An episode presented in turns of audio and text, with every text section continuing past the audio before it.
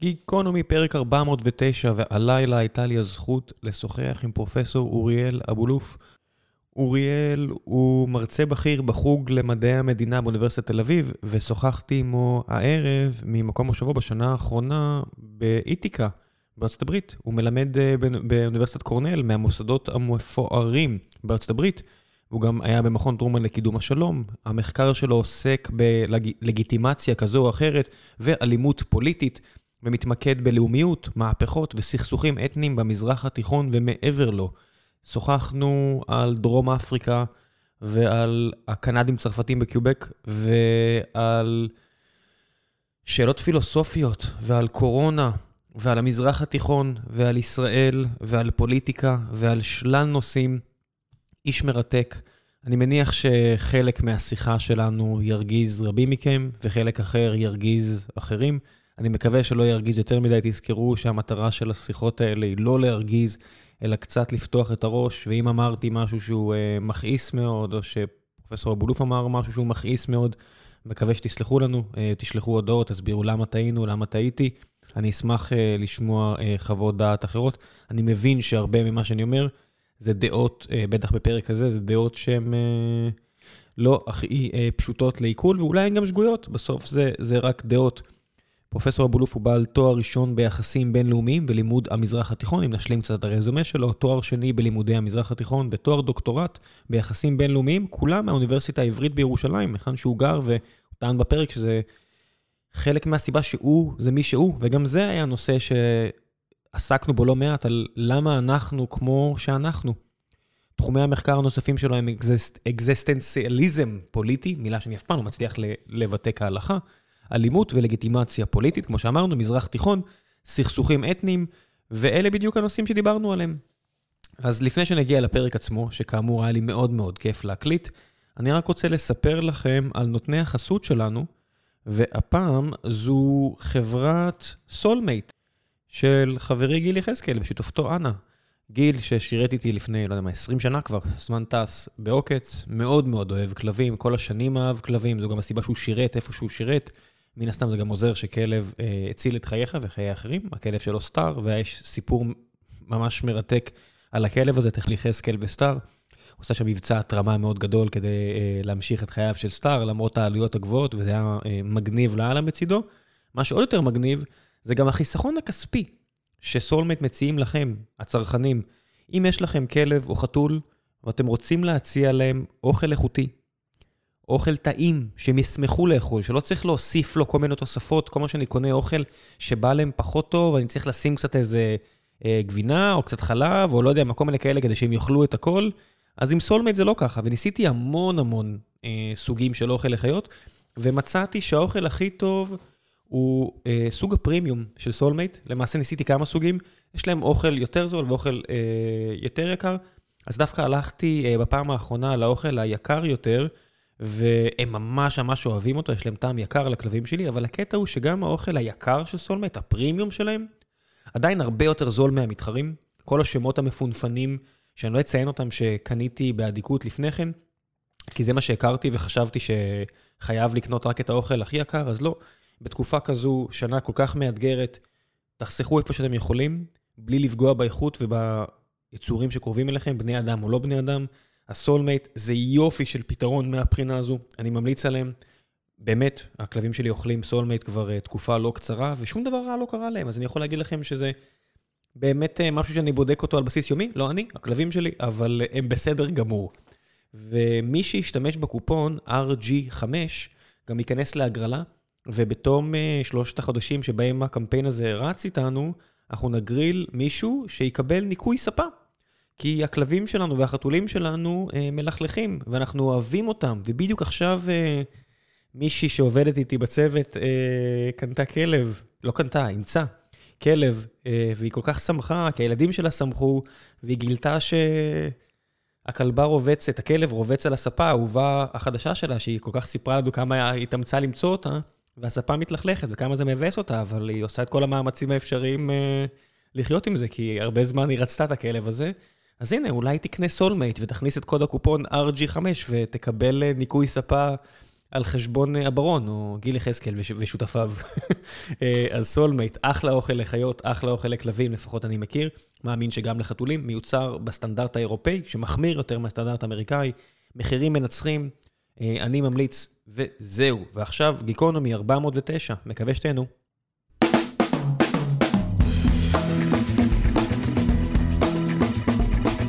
גיקונומי, פרק 409, והערב, או הבוקר שלך, יש לי הזכות לארח את פרופסור אבולוף. ידידי, איך אתה רוצה שאני אציג אותך, אוריאל היקר? דיברנו על זה לפני וכבר שכחתי. פרופסור חבר באוניברסיטת תל אביב, שנמצא... ההגדרה הפורמלית תהיה פרופסור חבר למדע המדינה באוניברסיטת תל אביב, ופרופסור אורח, עכשיו באוניברסיטת קורנל, משלים פה שנה וחצי. היופי באוניברסיטאות כאלה טובות בארצות הברית, שהן לא מוקפות כמו אוניברסיטת תל אביב בכבישים ופיח, הרבה מהן נמצאות באזורים יפהפיים, באיטיקה הייתי רק פעם אחת, ולפני שהתחלנו אמרת לי שהטבע מסביב למוסד המפואר שבו אתה נמצא פעם הציל את חייך, איך זה קרה? בשנה הזאת, השנה המטורפת הזאת, שנת הפחד והחרדה הזאת, היכולת uh, לצאת ולשאוף את האוויר הצח בלי מסכה, אם אתה רוצה אפשר לדבר על הוויכוחים שהיו לי ולהרבה אנשים סביבי, כולל אשתי בשאלה הזאת. לנשום את הטבע הזה מסביב זה פשוט דבר פנטסטי. זה ארץ של מפלים, זה ארץ של ירוק בעיניים. השמש לא קופחת מספיק, צריך לומר.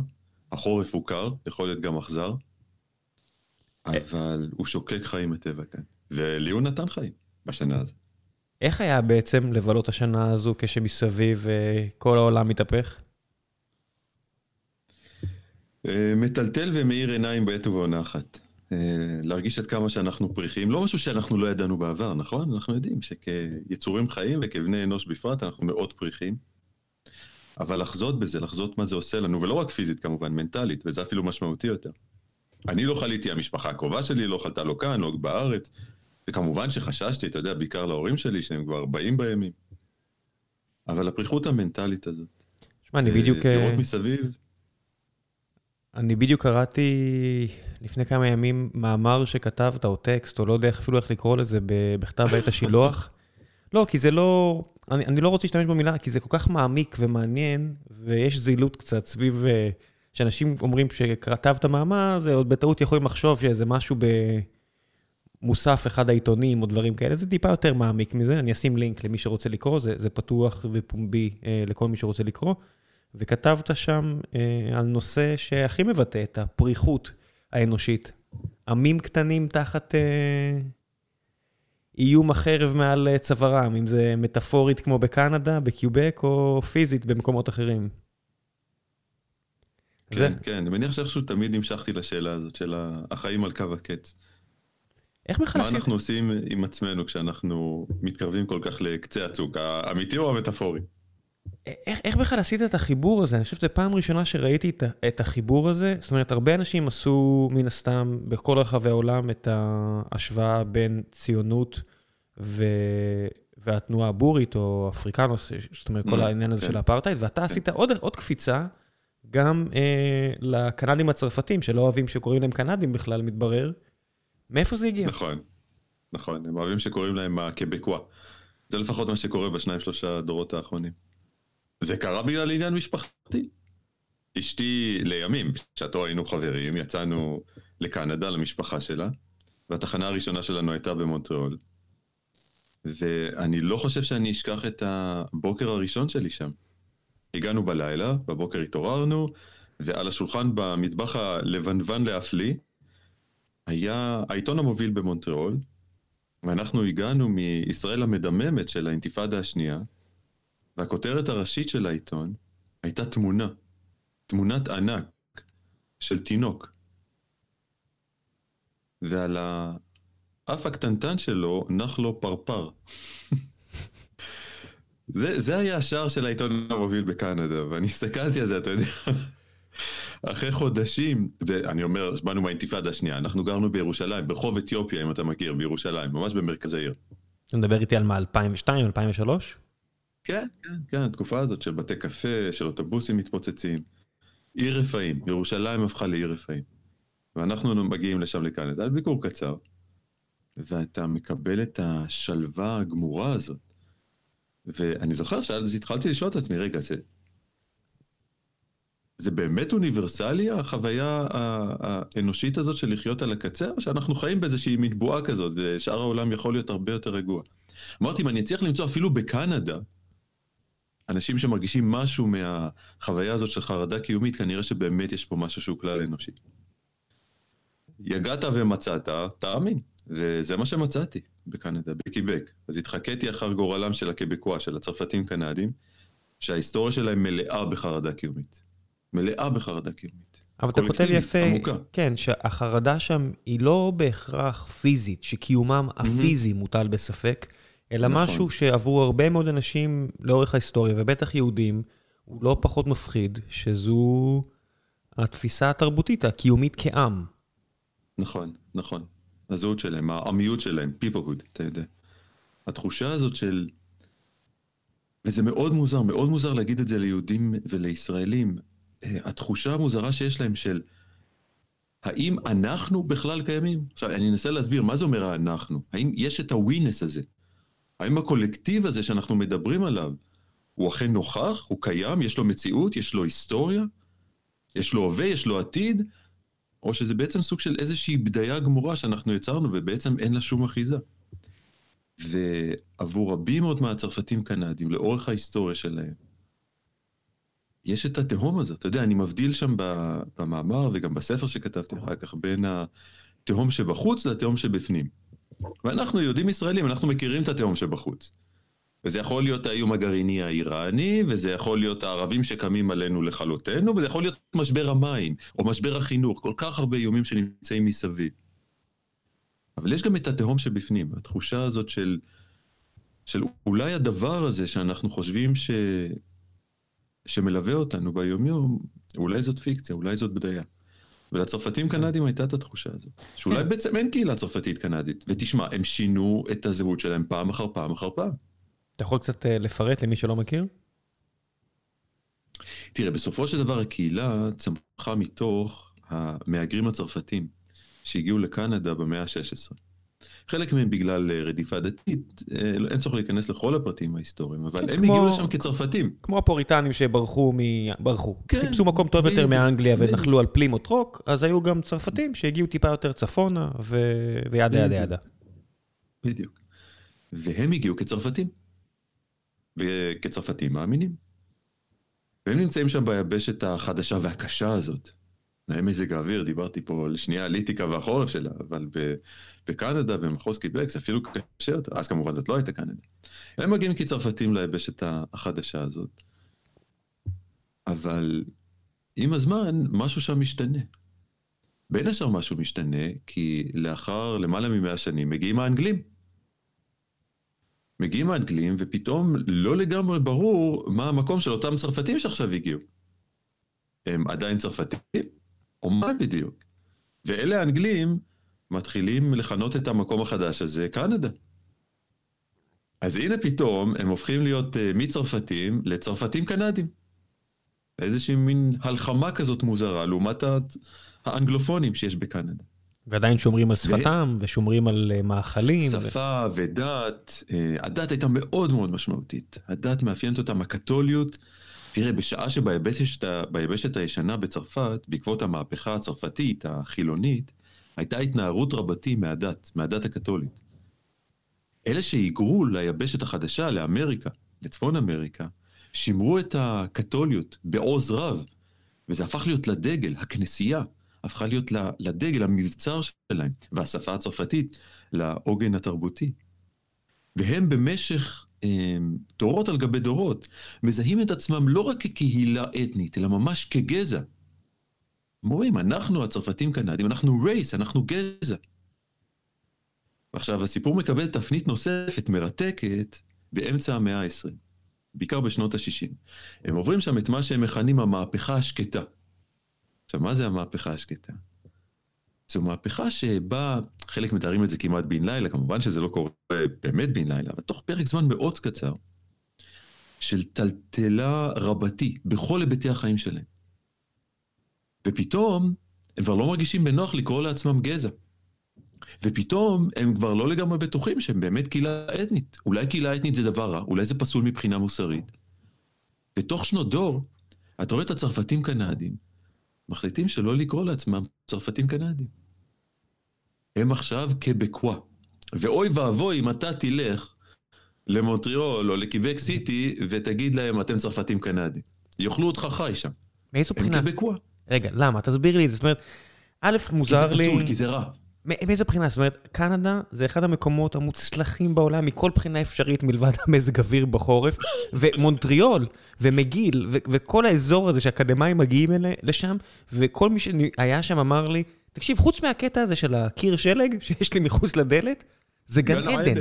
זה גן עדן. כולם אומרים, זה, זה פאקינג גן עדן. על מה יכול להיות שם את כל המשברים האלה? מה, על מה... כן, הכל תותים. מה, מאיפה זה מגיע? תשמע, מבחינה...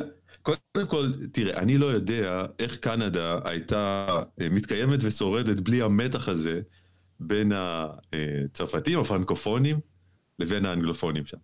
חלק ממה שמבנה את הזהות הקנדית, שהופך אותה לקנדה, ולא לאיזשהו ספיח של ארצות הברית, זה בדיוק המתח המתמשך הזה בין האנגלופונים לפרנקופונים.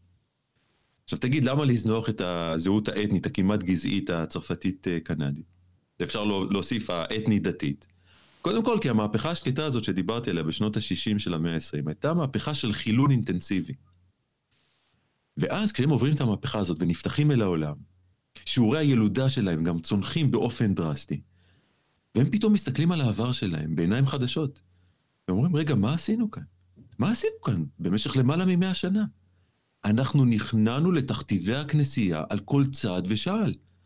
אנחנו נכנענו למנהיגים שלנו שאמרו לנו, אתם בסך הכל צאן קטן שאנחנו נוביל אותו מנקודה לנקודה, אנחנו נראה לכם בדרך הנכונה.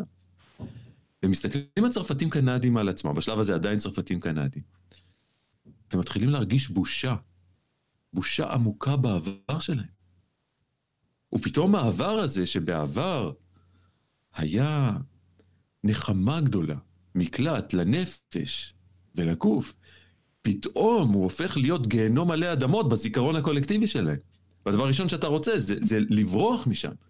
יו, זה, זה, זה, זה פשוט מדהים. פרופסור, זה פשוט מדהים הסיפור הזה. אתה יודע, אני חושב על כל כך הרבה עמים אחרים או מדינות אחרות בתקופה הזאת ועד היום, שאם אתה מספר להם על העבר שלהם, אני יודע, זה הבלגים, יכולים להתבאס על כך שהם מהרוצחים הגדולים בהיסטוריה בקונגו. והגרמנים לא צריך להרחיב. והלבנים בדרום אפריקה וזימבבואה לא צריך להרחיב. ואפילו לנו, והערבים, והאמריקאים עם וייטנאם, וכל הדברים שקרו. ובאים פה חבר'ה שבאמת מרגישים מועקה נפשית גדולה על העבר שלהם, שכלל פשוט תפיסה אתנוצנטרית כלשהי. אתנוצנטרית, אה, דתית, וגם... תשמע, יש פה משהו שאולי מתחבר באופן עמוק יותר לחוויה אנושית באמת אה, אוניברסלית. תחושה עמוקה של אה, בושה בחולשה. תראה, הצרפתים קנדים, כאמור, הם, הם בסך הכל, מה, היו חבורה של מהגרים שהגיעו מצרפת, ניסו לבנות לעצמם חיים. צרפת לא עמדה לצידם בשעת המבחן הגדולה ביותר, של המאבק באימפריה הבריטית. הצבא הצרפתי קרס כמעט כהרף עין. והם, אה, אתה יודע, עד היום מדברים על הרגעים המכוננים האלה. כשאתה הולך במחוז קיבק, אתה רואה על לוחיות. אה, הרישוי של המכוניות שם, תיוג בצרפתית, ז'מי סוביה. אני זוכר. עכשיו, מה אני זוכר? מה, מה אנחנו זוכרים כאן? אנחנו זוכרים מה אתם עשיתם לנו. אתם האנגלים. ובמידה מסוימת אנחנו זוכרים גם מה ארץ האם שלנו, צרפת, עשתה לנו. איך היא זנחה אותנו, איך היא בגדה בנו. עכשיו, אתה מסתובב בתחושה של בגידה מארץ האם שלך, שגם, אגב, זה לא רק בגידה, זה גם זלזול. הרבה צרפתים מזלזלים בקבקוע שלהם. הצרפתית שלהם זה לא צרפתית אמיתית, התרבות שלהם זה לא... כאילו, באמת, על מה אנחנו מדברים כאן? כן, הגיבור הכי גדול שיצא משם זה לוחם UFC בשם ז'ורג' סן פייר, אתה יודע, אמנים גדולים לא יצאו.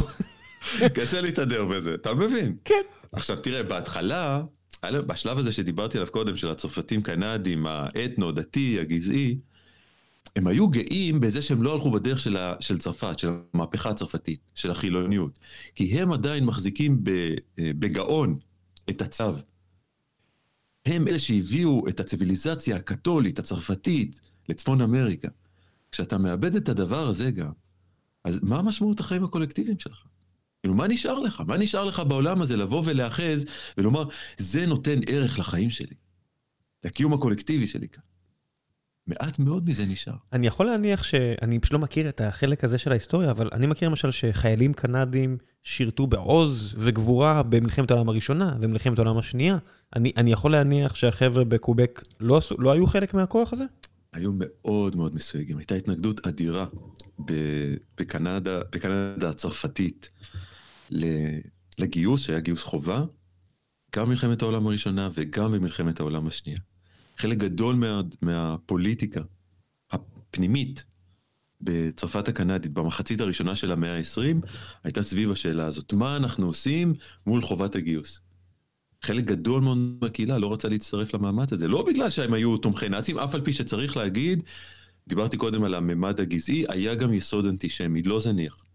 בשנות ה-20 ובעיקר בשנות ה-30 של המאה ה-20, אפשר לראות בקהילה הצרפתית-קנדית לא מעט יסודות, גם אנטישמיים. הם באו לידי ביטוי שם, והם לא רצו. חלק גדול מהם לא רצה להצטרף למאמץ המלחמתי בגרמניה, זאת לא, זאת לא המלחמה שלנו בגדול. זה, זה לא היה, הדבר המרכזי כאן לא היה נאציזם, זה לא היה תמיכה בנאציזם. זה פשוט הייתה תחושה שאנחנו פה נלחמים בשביל האימפריה הבריטית, מה לנו ולאימפריה כן, הבריטית? הם אויבים שלנו. כמו ניו זילנד, כמו אוסטרליה, שכולם עלו על, ה... על. על המים, עלו על הספינות ויצאו להילחם בחופים רחוקים, מבאר שבע אם זה האוסטרלים ו... וכל המקומות אה, האפשריים ברחבי העולם למען הקומונוולט. כן, כן, אבל הם, כמו אגב, אתה יודע, למקרה השלישי שאני בדקתי, של האפריקנרים, שגם הם היו תחת בצורה כזאת או אחרת השליטה של, ה... של האימפריה הבריטית. הסתייגות אדירה, הסתייגות, בהרבה מובנים התנגדות אה, קשה לגיוס הזה, גם למלחמת העולם הראשונה וגם למלחמת העולם השנייה.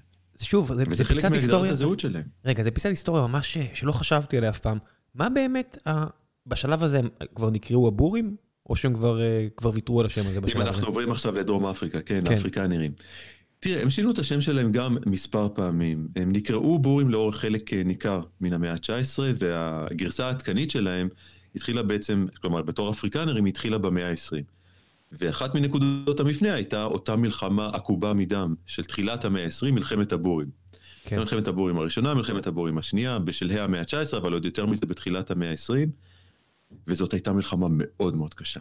בין הבורים, לימים האפריקנרים, לבין האימפריה הבריטית. האימפריה הבריטית ניצחה, ו...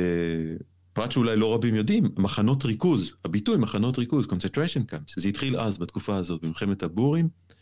הבורים הושמו על ידי האימפריה הבריטית במחנות ריכוז, כמובן שלא מדובר כאן על ג'נוסייד. אה, כפי שלימים קרה במלחמת העולם השנייה על ידי הנאצים. אבל עדיין מספרים עצומים, אבל... עשרות אלפי מתים, הרבה מהם ילדים, עשרות אלפים, ה-30 נכון. אלף, 25 נכון. אלף, המספרים נכון. טיפה משתנים, אבל באמת כמות אדירה של מתים, זה לא משהו זניח. בטח למדינה כמו נכון. ישראל שסופרת את הכמויות האלה מאז היווסדה פחות או יותר, אם אתם רוצים לאחד הכל. אנחנו מדברים על קהילה קטנה יותר, כמובן. כן, אני אומר, מבחינת אחוזים... ותשמע, עבורם זאת השואה. זאת, אם אנחנו רוצים משהו שדומה לחוויית השואה אצלנו, ואצל עמים שונים יש חוויות דומות. יש, יש עמים כמו למשל הארמנים שבהם אפשר לדבר על משהו שבאמת מתקרב. מיליונים. לפרופורציות האלה, כן. גם אם בשיטה אחרת. אה, כן, אבל במקרה של האפריקנרים, זאת, זאת טראומה קולקטיבית לאומית קשה, שבה, שוב, יש תבוסה כמובן לאימפריה הבריטית, אבל כאן לאחר מאבק, לאחר מאבק קשה של הקהילה, נלחמה בעוז, ומבחינת האפריקנרים, יש כאן הרבה מאוד רגעי גבורה. והטראומה הזאת נצרבה בבשר כזיכרון שהם יכולים לחזור ולהתרפק אליו. הם המשיכו את זה. גם אם הם בסופו של דבר. רק הם המשיכו את זה, אתה יודע, בזימבבואה, הכוחות הלוחמים שלהם היו מהמובחרים שבעולם. אתה יודע, היה שם כן. שיטות קומנדו שעדיין מלמדים, או עדיין רוצים ללמד, כל מיני מי שכן אה, אה, מתעמק במה הם עשו, זאת אומרת, זה לא היה משולל מכל יסוד, זה לא שהם המציאו לעצמם פה איזה עבר אה, קרבי אה, מונפץ, באמת היה... כן, כן, כן. עם כן, קטן. כן, ש... ואגב, עוד לפני כן. כן. האתוס המכונן שלהם, המשמעותי ביותר, עוד לפני מלחמת הבורים, היה מאבק שלהם מול הילידים. תראה, בצרפת, בצרפת, בקנ... בקנדה הצרפתית יש כמובן ילידים, אבל לא בשיעורים שאתה רואה בדרום אפריקה. הלא לבנים בדרום אפריקה היו כמובן בשיעור הרבה יותר גבוה מהלא צרפתים, לא אנגלופונים שאתה רואה בקנדה. כן, רוב הילידים באמריקה היו פשוט דרומה יותר, איפה שהמזג אוויר היה נעים יותר, ושם באמת הם מתו mm-hmm. במיליונים. וב, ובדרום אפריקה, המאבק המכונן של האפריקנרים עד היום הוא נחרט היטב בזיכרון הקולקטיבי שלהם, הוא מה שנקרא Blood River, שבו יחסית מיעוט קטן של לבנים, אפריקנרים, ואגב, אפריקנרים הם פועל יוצא של הגירה בעיקר מהולנד, אבל גם במידה מסוימת מצרפת ומגרמניה. ושוב, בדומה לצרפתים הקנדים, הגירה מהיבשת הישנה, מאירופה ליבשת חדשה, במקרה הזה לאפריקה כמובן. ומיעוט קטן מקרב האפריקנרים שיצא להגר באותה יבשת ונאבק מול השחורים, אה, מול האפריקנים של היבשת, וניצח באותו קרב, ה-Blood River, ועד עכשיו זה האתוס המכונן של הקהילה הזאת, בהרבה מובנים. אתוס שבו הם ניצחו כנגד, כנגד הסיכויים. בהרבה מובנים הקהילה הזו נגמרה ב-94. זאת אומרת, הקהילה הזו שאתה מציין, אני... עם הזריחה של האפרטהייד. כן, אה, האתוס מת, אתה יודע.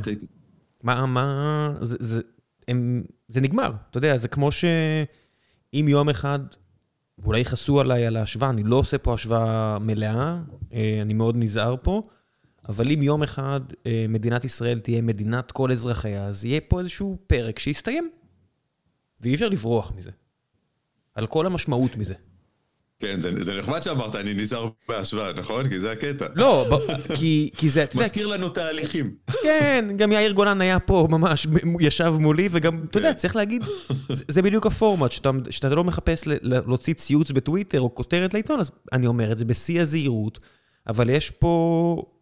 אני לא אומר אפרטהייד, אבל אני אומר, ברגע, אם זה יקרה, מדינת ישראל תהפוך להיות מדינת כל אזרחיה, ולמשל תנאי ההגירה כבר לא יהיו קשורים למי סבא שלך, או מי אבא שלך, או מי אימא שלך ליתר דיוק, אז יסתיים פרק שמהרבה בחינות, כמו שאתה כותב, דומה מאוד למה שקורה בדרום אפריקה, ולא מהבחינה של ההדרה של ציבור אחר, אלא מהאתוס הזה של ההקמה של עם קטן שחי על חרבו, על חרבו, ובעצם עומד בפני הרס בכל מיני צורות לאורך עשרות שנים, ומה זה עושה לו. אתה מתאר את זה כן, שם בצורה כן. מאוד מאוד מעניינת בעבודות שלך. כן, זאת, זו, זו שוב, זו, זו החוויה של החרדה הקיומית, שגם לאפריקנרים היא הייתה, ובשונה מהמקרה הצרפתי-קנדי, ששם הדגשנו, זה בעיקר היה עניין תרבותי, עניין של זהות, במקרה של האפריקנרים היה גם את היסוד הזה של הזהות, מי אנחנו, בורים, אפריקנים וכן הלאה, אבל גם היה, בדומה למקרה של היהודים בישראל, החשש העמוק להישרדותה של הקהילה, וזה גם הישרדות שהיא פיזית. ומבחינתם, כשהם הסתכלו על היבשת, וכשהם הסתכלו על המדינה, כשהם הסתכלו על הדמוגרפיה, כשהם הסתכלו על הכוחות שפועלים נגדם, הם היו בחרדה עמוקה. אנחנו מיעוט כאן באזור, בטח ביבשת, אבל גם במדינה, ואנחנו מכירים את החרדות הדמוגרפיות כמובן של היהודים בישראל. הם הסתכלו על האימפריה הבריטית, גם אנחנו בישראל כמובן חווינו את האימפריה הבריטית, כלומר בתקופת היישוב העברי, והתחושה שלהם הייתה, אנחנו חיים על פי תהום. אנחנו חיים על פי תהום. וההנאה לאפרטהייד, אנחנו רגילים לראות את, את, את האפרטהייד, את האפליה הגזעית הממוסדת אה, בדרום אפריקה, כתועבה מוסרית לכל דבר ועניין, אבל מה שניסיתי לעשות במחקר הזה ובמחקרים נוספים, תראה, המטרה המרכזית שלי כשאני, כשאני בוחן פוליטיקה זה, זה פחות לשפוט אנשים. כמובן שיש לי את הדעות שלי, ואם תרצה אפשר לדבר עליהם, אבל באמת מה שמרתק אותי יותר מכל זה לנסות ולהבין דברים מנקודת המבט שלהם. ומה שסקרן אותי זה נקודת המבט של האפריקנרים. כיצד הם חווים את המציאות הזאת, ומבחינתם הם נאבקו כנגד כל הסיכויים כדי לשרוד, כדי לשמר את הקהילה שלהם. מבחינתם כשהם דיברו על האנגלים זאת הייתה סכנה קיומית, כשהם דיברו על השחורים בדרום אפריקה זאת סכנה קיומית לקהילה. והם עושים את מה שצריך. עכשיו, בוא נבין, אנחנו חושבים על האפרטהייד, שוב, במושגים של תועבה מוסרית, אבל כשאפריקנרים סיפרו לעצמם את הסיפור שלהם, הם סיפרו לעצמם סיפור אחר לגמרי. הם סיפרו לעצמם סיפור שבו הם מביאים ברכה של הציוויליזציה, הנאורה, כן, הלבנה, אל היבשת השחורה. כשהם עושים את הבנטוסטנים, תוכנית הבנטוסטנים שבעצם מפצלת את דרום אפריקה ומעניקה לקהילות השחורות, לחלק מהם לפחות, מעין שמורות שיש להם מעמד של כאילו קוואזי אוטונומיה, אתה יודע, אוטונומיה שיש בה הרבה מאוד בדיה כמובן, על חלק יחסית קטן של השטח. מה האפריקנרים אומרים לעצמם? הם ש... אומרים לעצמם, תשמעו, אנחנו פה מעניקים עצמאות לשחורים, אנחנו מלמדים אותם איך להיות עצמאים. יותר מזה הם אומרים. ותבין, זה פנטסטי הקטע הזה. הם אומרים לעצמם, אנחנו מבצעים כאן שליחות אלוהית. למה שליחות אלוהית? הם חוזרים לסיפור של מגדל בבל. אתה זוכר אותו? את מגדל בבל בתנ"ך? איך שאלוהים מפיץ את העמים השונים לשפות שונות, בקהילות שונות, והם אומרים, מה אנחנו עושים כאן? מה זה תוכנית הבנטוסטנים? אנחנו עושים את מה שאלוהים עשה במגדל בבל. כל קהילה יש לה את המקום שלו. את השפה שלה, על הכיפאק. תהיה להם את השמורה הזאת. כן. הם עדיין לא התפתחו מספיק כדי להיות לגמרי עצמאיים, והם עדיין מסכנים אותנו, אז הם יהיו באוטונומיה כזאת, הכל בסדר. יש, אה, צריך להגיד פה, ואולי אני אשים לינק, אה, יש איזה ערוץ שאני מאוד אוהב, אה, שמתעסק בגיאופוליטיקה, ערוץ יוטיוב, שנקרא כספיאן ריפורט, והוא הקדיש, אני חושב שזה היה אצלו שראיתי את זה, הוא הקדיש, אני אמצא את הסרטון ואשים, הוא הקדיש פרק לאפריקה, והראה איך אפריקה הייתה מתחלקת אילו לא היו...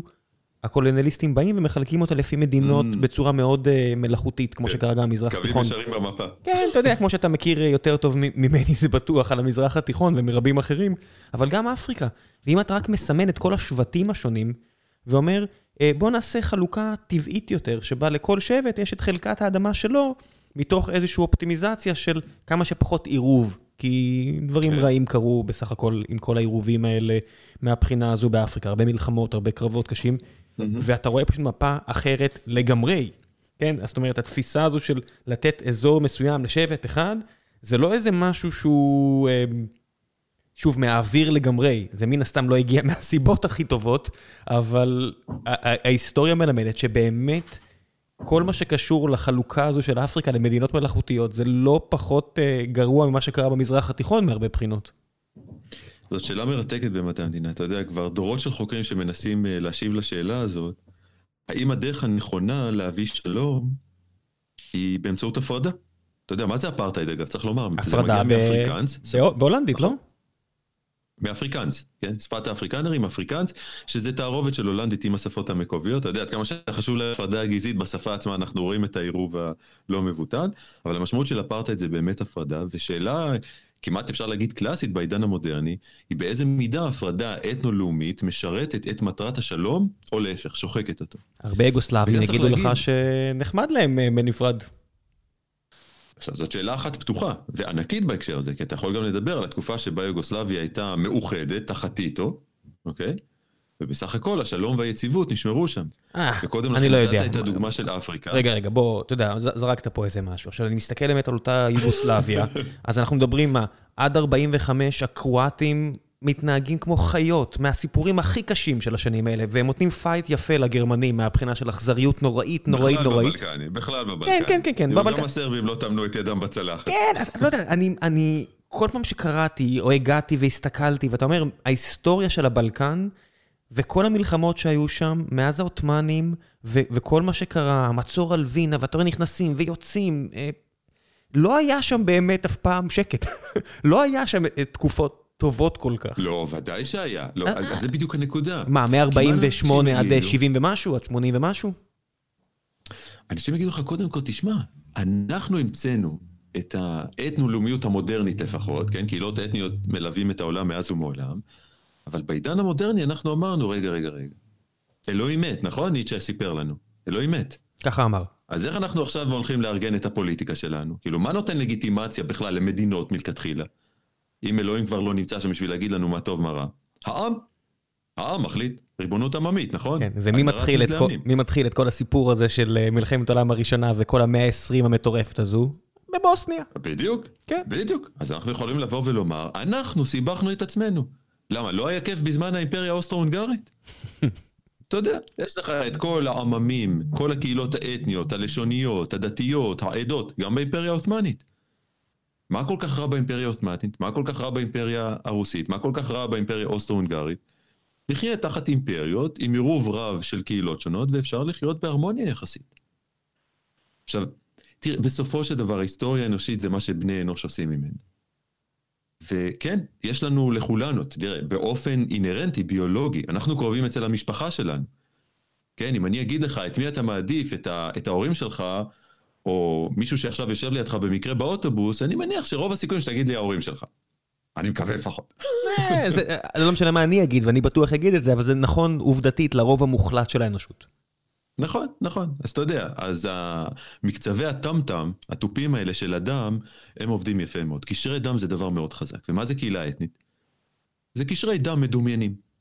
זה נכון, בהרבה מקרים זה לא שם קיים בפועל, אבל אנחנו מדמיינים שיש קשרי דם. ואמרו את זה קודם לפניי, רבים וטובים, בנדיקט אנדרסון וצפונה.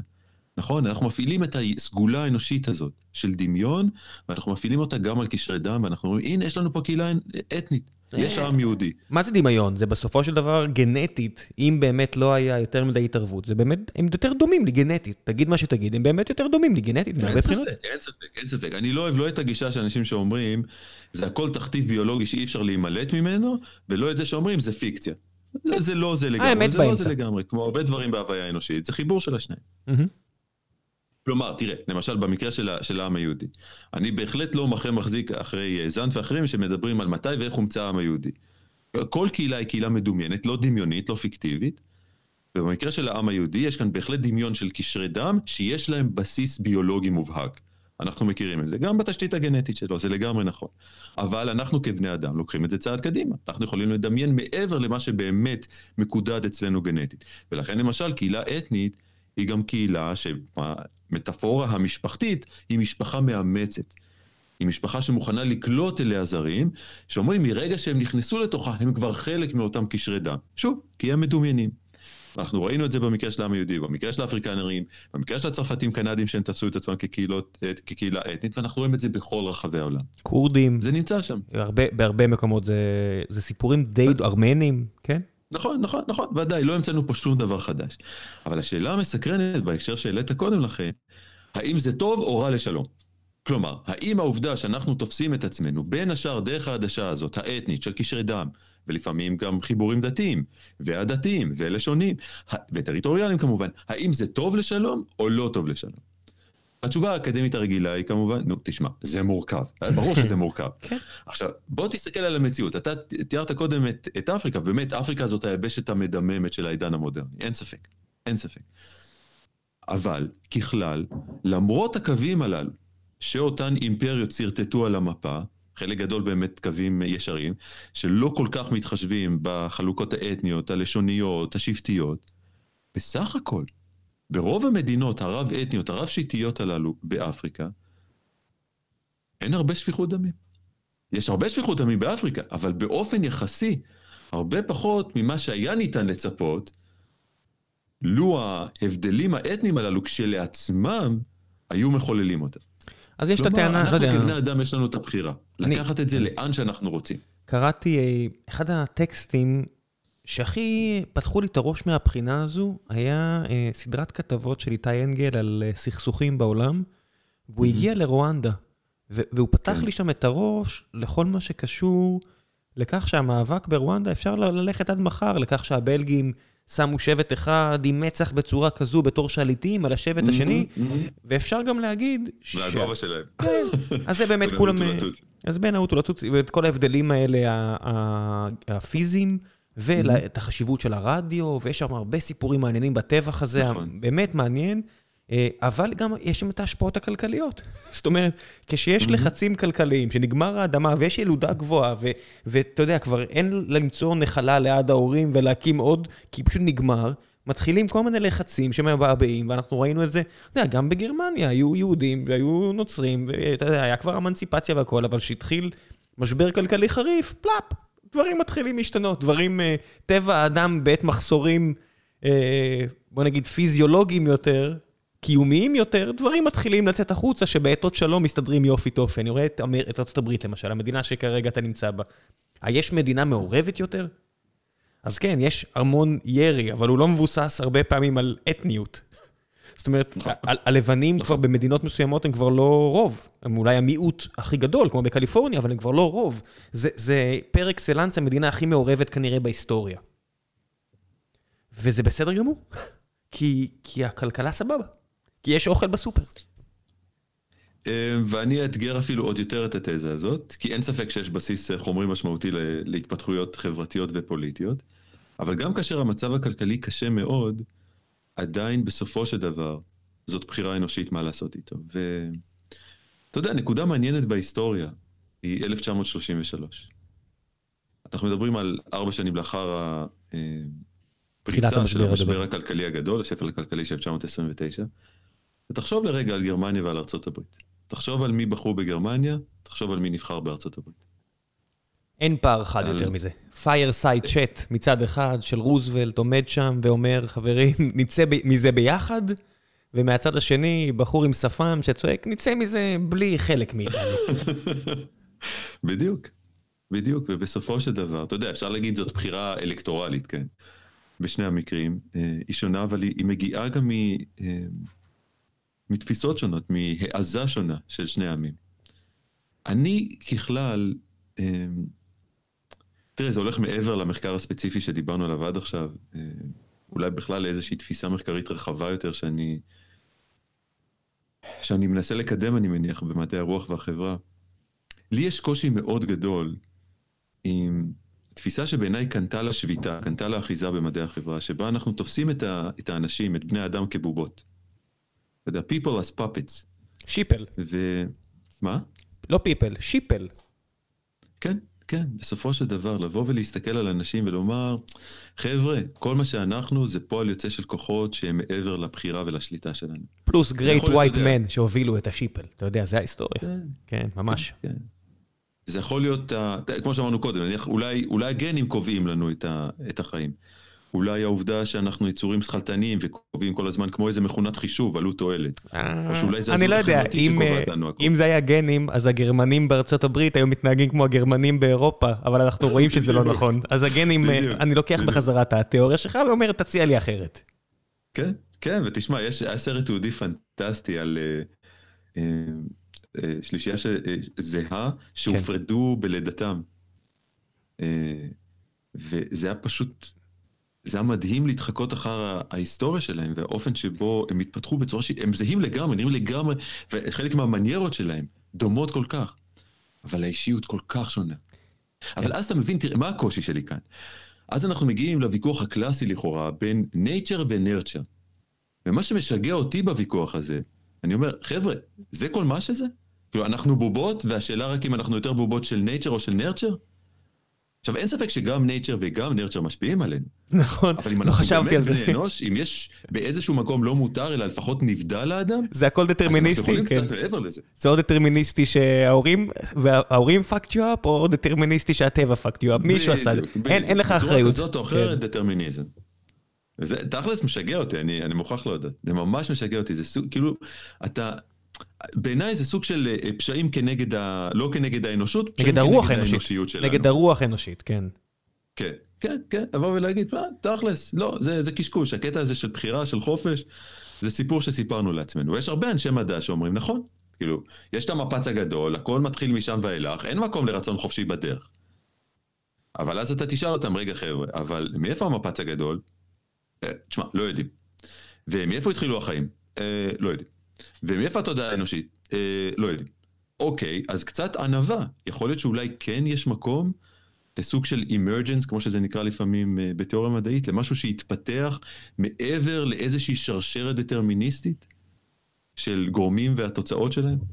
של סיבה ומסובב. כן, מהבחינה הזו... אני חושב שיש, לפחות בתודעה האנושית, יש את היסוד הסובייקטיבי של חופש. מהבחינה הזאת אני תמיד חייב להמליץ על ספר מרתק של, שנקרא בעיה פסיכופיזית, שבטח שמעו אותי פה מקשקש עליו, שזה בעצם שלושה מאמרים של אה, ישעיהו ליבוביץ', פרופסור ישעיהו ליבוביץ', ושל אה, כן. נכדו, אה, יורם יובל, שעכשיו רץ לכנסת, ושל איזשהו עוד אחד, דניאל קיינמן, במקרה, גם עשה לא קריירה לא רעה בכלל, ולייבוביץ' טוען... שיש את ההפרדה הזאת בין הנשמה, הכוח החושב, התודעה, לבין הפסיכו והפיזי. אתה יודע, האלקטרו, השדות האלקטרומגנטיים והחשמל והביולוגיה וכל הדברים האלה שרצים במוח, ואף פעם לא נצליח לחבר בין השניים, אבל חובה עלינו להמשיך לנסות ולחפש את זה. כמו דון קישוט ותחנות הרוח, ומן הסתם כן. שקיינמן ו... והנכד היקר שגם היה פה אה, לפרק אה, ממש כיפי מבחינתי, מראים איך המדע המודרני מראה שלא בהכרח יש תודעה מעבר לאותות החשמליים ולביולוגיה, ואולי עוד 50 שנה נגלה שכן יש, לך תדע, מהבחינה הזו. כן. איך כן, זה משפיע עליך? אני רוצה להישאר, תראה, מבחינתי זה להיות אופטימי, אה, אם אני חושב על זה שהמדע בסופו של דבר ייכשל במאמץ הזה. אני רוצה לחשוב שאנחנו לא רק המרכיבים הללו, ולעת עתה, אה, נדמה שהמדע לא הצליח לעשות את הרדוקציה החומרית הזאת. יש מאמר מאוד יפה של אה, תומאס נייג'ל אה, תחת הכותרת What it is like to be a bat, איך זה להיות עטלף. כן. הוא אומר, תשמעו חבר'ה, עטלפים כמונו, כמו בני אדם, אנחנו יונקים, אוקיי. אנחנו באמת יכולים לתאר לעצמנו מה זאת החוויה הסובייקטיבית הזאת של להיות עטלף? כן, אתה יכול לנסות ולנתח בשורה של אמצעים קימי, ביולוגיים ואחרים, את המרכיבים השונים, החומרים, הגופניים. אבל אתה יודע באמת מה זה לחוות להיות עטלף? לא. התשובה שלו הייתה, ואני חושב שהיא עדיין תקפה היום. לא, לא, אנחנו לא באמת יודעים איך זה להיות עטלף. ויותר מזה, תשמע, אני לא יודע לגמרי איך זה להיות אתה. איך זה להיות אתה? אני לא יודע להרגיש, אתה יושב עכשיו באולפן שלך, יש לך את המיקרופון לידך, עברת כל כך הרבה רעיונות עד עכשיו, ואתה עכשיו מדבר עם ברנש חדש. אוקיי. מה זאת החוויה הזאת מבחינתך? אני לא יודע. אין לי מושג, כי אני לא חוויתי את זה. אני לא נמצא בתוך הנעליים שלך.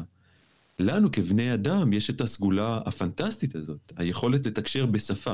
כמובן לחיות יש יכולת תקשורת בכל מיני ערוצים, אבל לנו יש את השפה. אתה יכול לחוש אמפתיה אה, כלפי הזולת, אבל ככל שהאדם, בוא נגיד, קרוב אליך יותר, היכולת שלך לשים את עצמך בנעליו גבוהה יותר. תסתובב בתרבות שהיא מאוד זרה, לא יודע מה, לי, שפעם ראשונה, שהגענו לטוקיו, אני וזוגתי ואשתי, הרבה שם דברים כל כך שונים, שקשה לי להבין אפילו את הרציונל הרגשי מהצד השני של אנשים.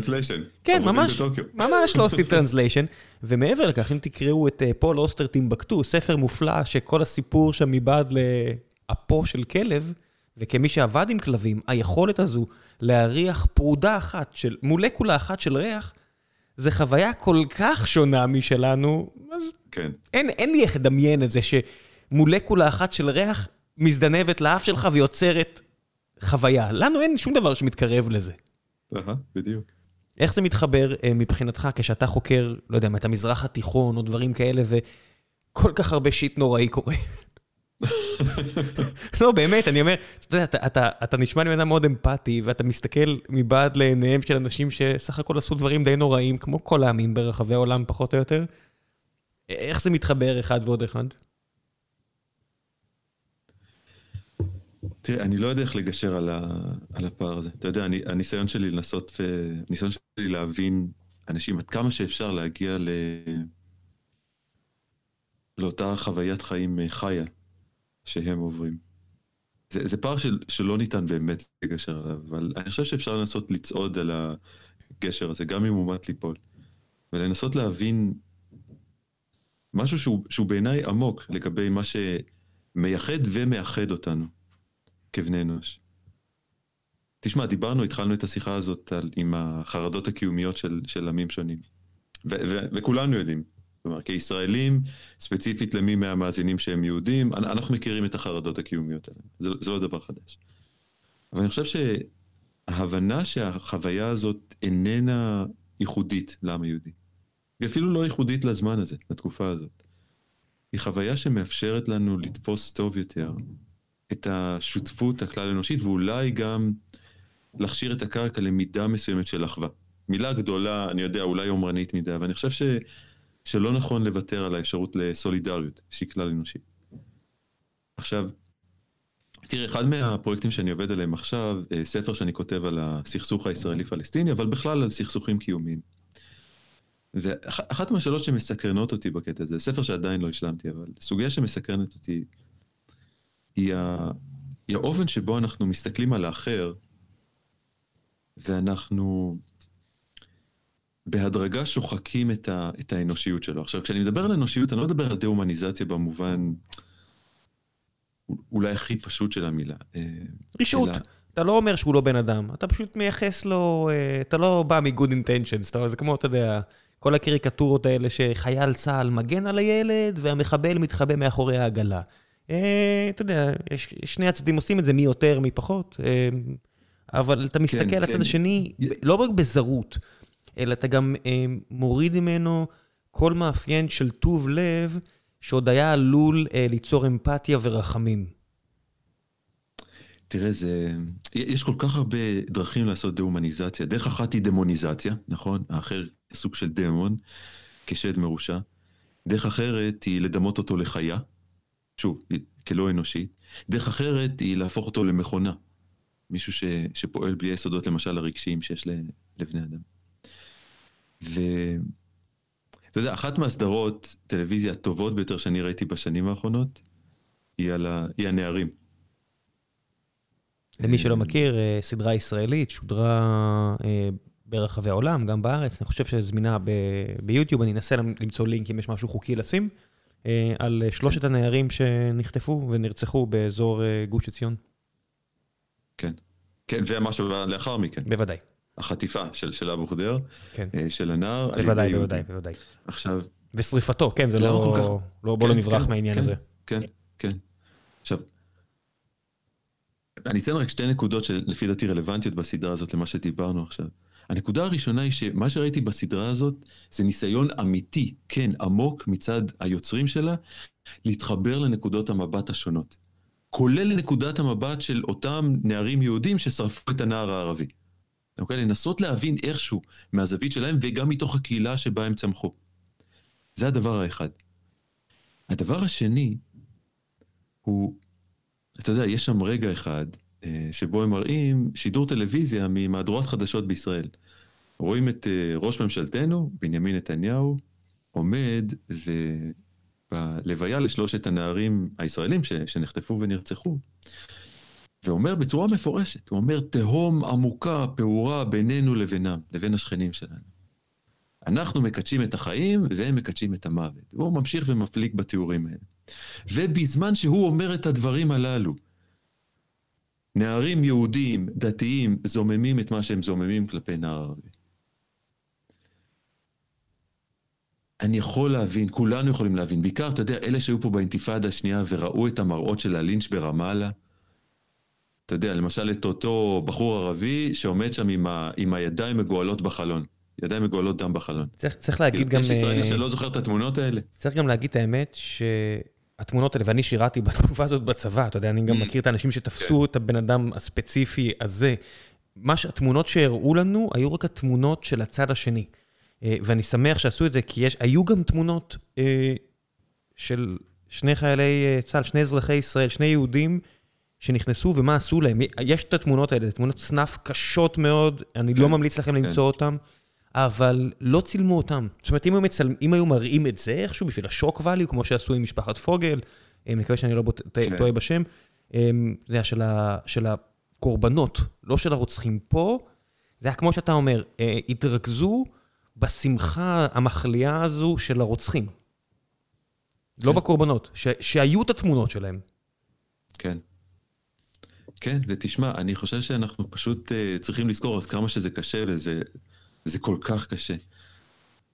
צריך לזכור ש, שבסופו של דבר היסודות האלה, גם היסודות האפלים ביותר, הם חלק פשוט, נרצה או לא נרצה, מההוויה, מהחוויה האנושית. כן, והשאלה אני... ש, שעומדת, אה, אני חושב, על, לפרקנו כל הזמן, אתה יודע, לפתח אה, חטאת רובץ, כן, השאלה אם אנחנו נמשול בו או לא. כן, אני, אני רק רוצה להגיד ש... כמו שכתוב בספר הספרים, וזה תלוי בנו, במידה רבה. זה קצת קלישה, ואני אספר את זה. אה, אני לא רוצה לעשות פה... אני אגיד את זה, אני לא, לא, לא מציין שמות ולא כלום, אבל הקצין של דובדבן שתפס את הבן אדם שהוציא את ידיו מהחלון ושלף mm-hmm. אותו אה, ממיטתו לילה אחד, אה, גם דאג שאף אחד לא ייתן לו מכה אחת. והוא נתן שם איזשהו משפט שהוא כנראה שחזר בלב כמה פעמים לפני שהוא הגיע לשם, אז הוא אמר לו, אני, אני לא יודע אם בערבית אה, יפה או בעברית, אבל הוא אמר לו שיהודי טוב אה, לא נוקם, אבל הוא גם לא שוכח. מהבחינה הזו. נכון. ככה, זה שהוא עשה, זה איזשהו סיפור שנתקלתי בו מן הסתם, כי הייתי באותם שנים אותן יחידות, כן. אז זה, זה משהו שאפשר, זאת אומרת, כשאתה תופס כן. בן אדם כזה ויש לך כל כך הרבה מטען כלפיו, רגשי, שאתה יוצא, והייתי חלק מהפעילויות דומות, לא, לא בזאתי, אתה לילה לילה יוצא, לא שהייתי איזה גיבור גדול, אתה יודע, אבל אתה יוצא אנשים שעשו פיגוע, אתה יודע, באתי מבאר שבע, עשו פיגוע בבאר שבע, אתה יוצא לעצור את משפחת קוואסמה, עם כל, אה, קוואסמה, עם כל אה, גרורותיה אה, בחברון, שהם עשו פיגוע מאיפה שאתה באת, איפה שאבא שלך היה ליד, כן? ו- ולמשול בזעם ובכל הדברים האלה, זה אפשרי. זה שאומרים לנו שזה בלתי אפשרי, ומה, אז עשינו לינץ' בבן אדם שעשה פיגוע, למה, שנ... למה שתעניש אותנו, היינו בסערת רגשות. אתה יודע, ההקלות האלה שנורא קל לנו לתת לעצמנו ולאחרים, התירוצים המובנים כן. האלו. אז צריך גם להגיד שיש אנשים שהיו בסיטואציות האלה. שצריכים לעמוד בפרץ, כן? נכון. והיו בסדר. תשמע, זה מאוד מעניין, ה... אתה, אתה יודע, אחד מה... ויש שם גם בסדרה הזאת כזה, ואנחנו רואים את זה לפעמים ב... אירועים מסוימים שבהם חוגגים את מה, ש... את מה שאמר אה, שמשון. אתה יודע, השופט, שמשון, שמשון הגיבור. כן. בזמן שהוא הוריד את, ה... את המקדש. נקמנה את אחת משתי, משתי עיניי. ואנחנו מכירים את הסיפור של שמשון, נכון? החזק הזה, אה, שנבגד על ידי דלילה, ושעקרו את עיניו והובילו אותו למסע של השפלה פומבי במקדש, ואת המהלך האחרון, שבו הוא מבקש מאלוהים שייתן לו כוח כדי להפיל את כל המקדש על יושביו. תמות נפשים פלישתים. תמות נפשים פלישתים. ואתה יודע, כבני אדם אנחנו צריכים להבין את הסנטימנט הזה. כשאנחנו חווים השפלה שהיא כל כך עזה, אתה לפעמים רוצה להחריב עולם ומלואו. הכל. הכל. שימות העולם, אתה אומר, שישרף העולם. אם זה מה שהם עושים, זה מה שאתה רוצה. ועוד עם מי? ולה... ועוד עם מי אלה? מה זה פלישתים? אלה שפלשו ו... מן נכון, הים. נכון. אלה שהגיעו נכון. מדרום אירופה, או לא משנה מאיפה, ופלשו מן הים ובאו לארצנו, ותראו מה עוללו פה אותם פולשים. תמות נפשי עם הפולשים, ותעיף שנתיים, אלפיים שנה קדימה, ו-the shoe is on the other, on the other foot. כן, כן. כן, ותשמע, זה לא סנטימנט, שוב, הסנטימנט הזה של שמשון, שאפשר להבין אותו, הוא, הוא, הוא נמצא אצלנו, אצל, אצל היהודים, הוא נמצא אצל הפלסטינים, הוא נמצא בקרב עמים, עמים, וגם באופן אינדיבידואלי. זאת אומרת, אנחנו באופן אישי עוברים השפלה קשה בידי האחר, עד כמה קשה לעמוד בפני הפיתוי לנסות ולנקום. נקמה בקטנה, גדולה, חמה, קרה, וואטאבר. אבל, אבל אתה רוצה את זה.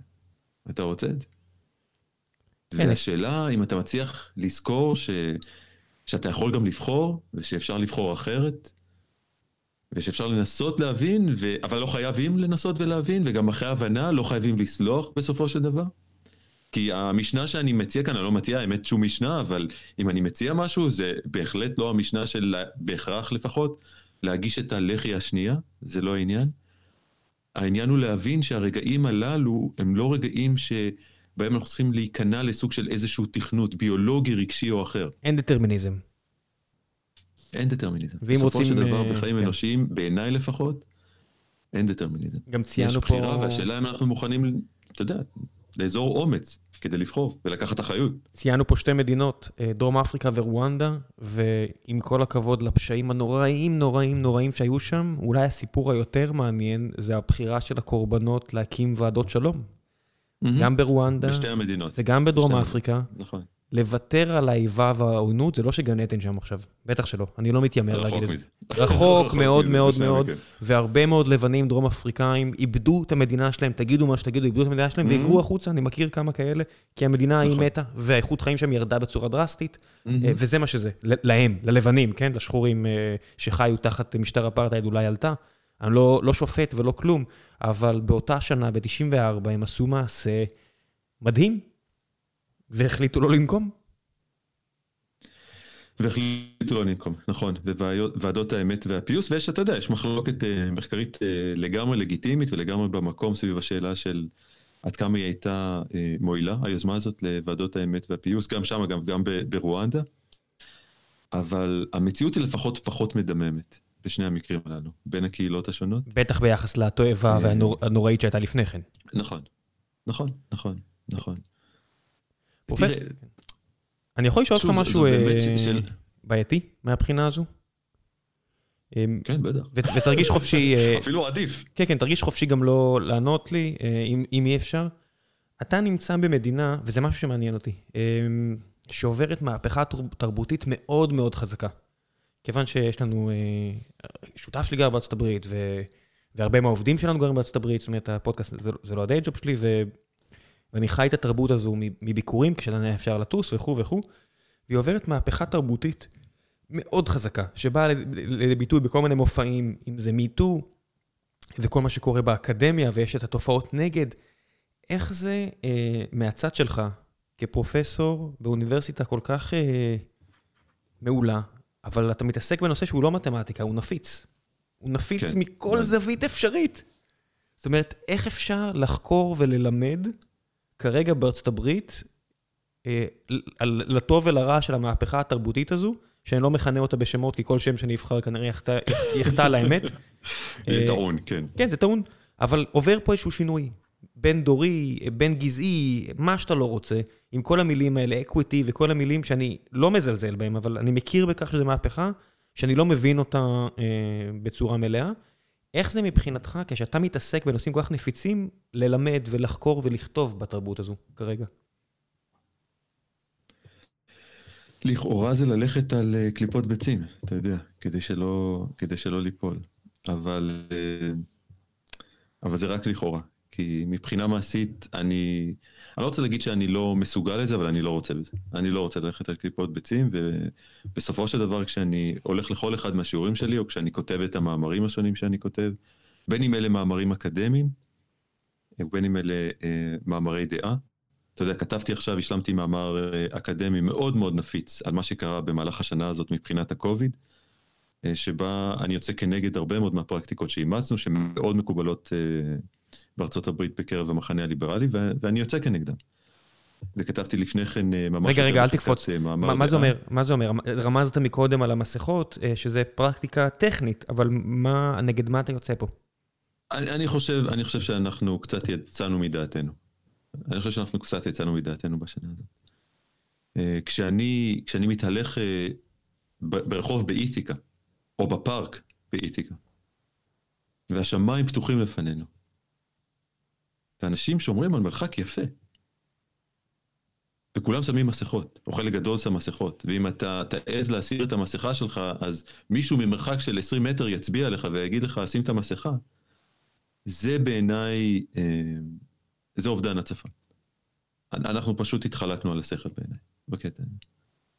ומה שמסקרן אותי, זו דעה אישית, אתה יודע, אפשר לעשות איתה מה שרוצים. אבל מה שמסקרן אותי יותר מבחינה אינטלקטואלית זה איך הגענו למצב הזה.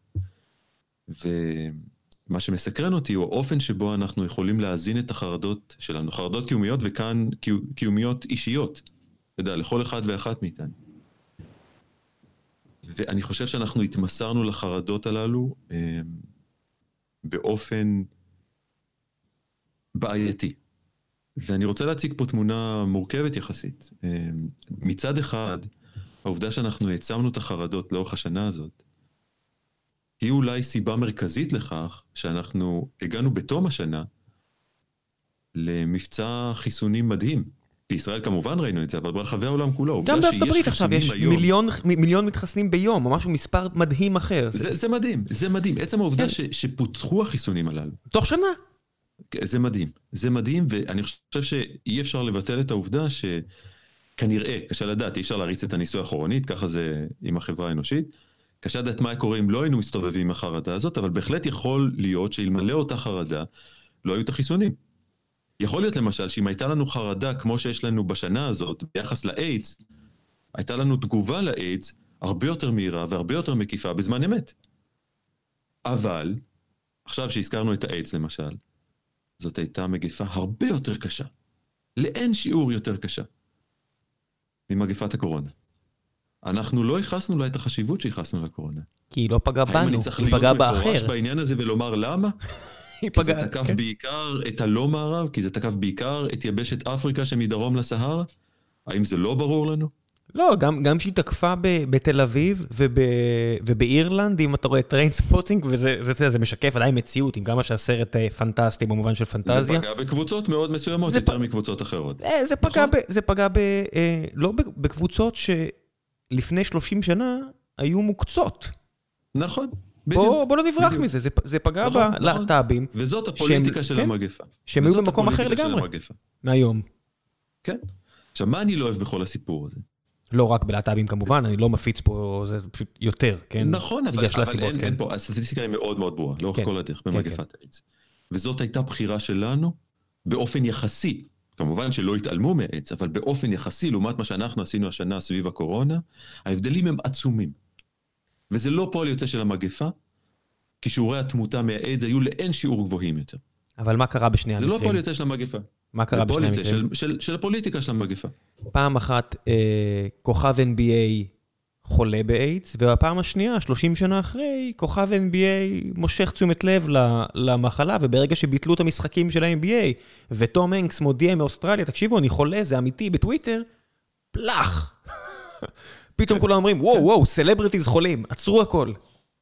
כן, כן. עכשיו, שוב, אני, אני יכול לקחת את זה לפינות שהן אפילו יותר קשות לדיון, ואני בטוח שהרבה מאוד מהמאזינים שלנו לא יאהבו את זה. ו, ואני יודע שכשאמרתי את זה, אתה יודע, לחברים, אה, כולל בני משפחה, אשתי וזה, כאילו, זה נראה כמו ממש תועבה מה שאולי אני הולך להגיד עכשיו, אבל, אבל זו דעתי. אמ, תראה, חלק מהמאפיינים של, ה, של המגפה הזאת הוא החתך הגילאי שלה. אי אפשר להתעלם מזה. הגיל הממוצע של מוות מקורונה הוא עדיין 80, יכול להיות שעם הווריאנטים החדשים הוא, הוא ירד בתקופה הקרובה, אנחנו נראה את זה. עכשיו, אנחנו ביצענו, בין אם רצינו להודות בכך ובין אם לא, אנחנו ביצענו במהלך השנה הזאת שורה מאוד ארוכה של בחירות. גם אישיות, לשים או לא לשים מסכה לצורך העניין, וגם ציבוריות. למשל, לסגור בתי ספר ציבוריים. אנחנו בחרנו לעשות את זה. זה לא המגפה שהחליטה בשבילנו, זה אנחנו החלטנו בזמן המגפה שזה מה שאנחנו רוצים לעשות. וכמו שאולי אתה יודע, אין עוד מדינה בעולם שסגרה את בתי הספר שלה בצורה שהיא כל כך דרקונית כמו מדינת ישראל. אני לא... זאת הייתה בחירה שלנו אני... לעשות את זה. כן, אני לא... אני, אין לי את הנתונים האלה, אז אני אניח שפה... זה, זה, כן. זה, זה המצב. זה, זה לא הנתונים שלי אגב, אפשר כן, למצוא כן, את זה. אני, אני לא... אני לא כן. עכשיו, אנחנו בחרנו לעשות את המהלכים הללו. אנחנו לא מודעים למחיר של המהלכים הללו? אנחנו לא יודעים איך זה משפיע על משפחות מסוימות? על דורות מסוימים? הדור הזה שכבר עכשיו קוראים לו דור השיא, כן, דור הקוביד? אנחנו לא יודעים למשל שאחת מהמדינות הבודדות בעולם שמתחקה בזמן אמת אחר שיעורי התאבדויות, יפן, ראתה עלייה דרמטית בשיעור ההתאבדויות כפועל יוצא של מה שהתחולל בשנה הזאת? אנחנו יודעים את העובדות, ואנחנו רואים את זה יותר ויותר. עכשיו, זה פועל יוצא של בחירות שאנחנו קיבלנו, אנחנו כבני אדם. יכול להיות שהבחירה שלנו הייתה נכונה. יכול להיות שזה מה שהיינו צריכים לעשות. אבל אני חושב שאנחנו לא לקחנו מספיק בחשבון את הדילמות המוסריות הקשות, המאוד מאוד קשות שעמדו לפתחנו כאן. כן, גם העובדה שהיו חיסונים, וזה נפסק תוך שנה אחת בלבד, אז יכול להיות שהאפקט הוא הרבה הרבה הרבה הרבה פחות דרמטי מאשר, נניח ואין חיסונים, נניח ועכשיו אנחנו ממשיכים שיגידו לנו, תקשיבו, זה המציאות החדשה, מעכשיו ועד דיראון עולם, עד שמשהו קורה, 20 שנה, מסכות, בתי, homeschooling, תעשו מה שצריך, אין, שומרים על, ה... שומרים על החולים. יכול להיות.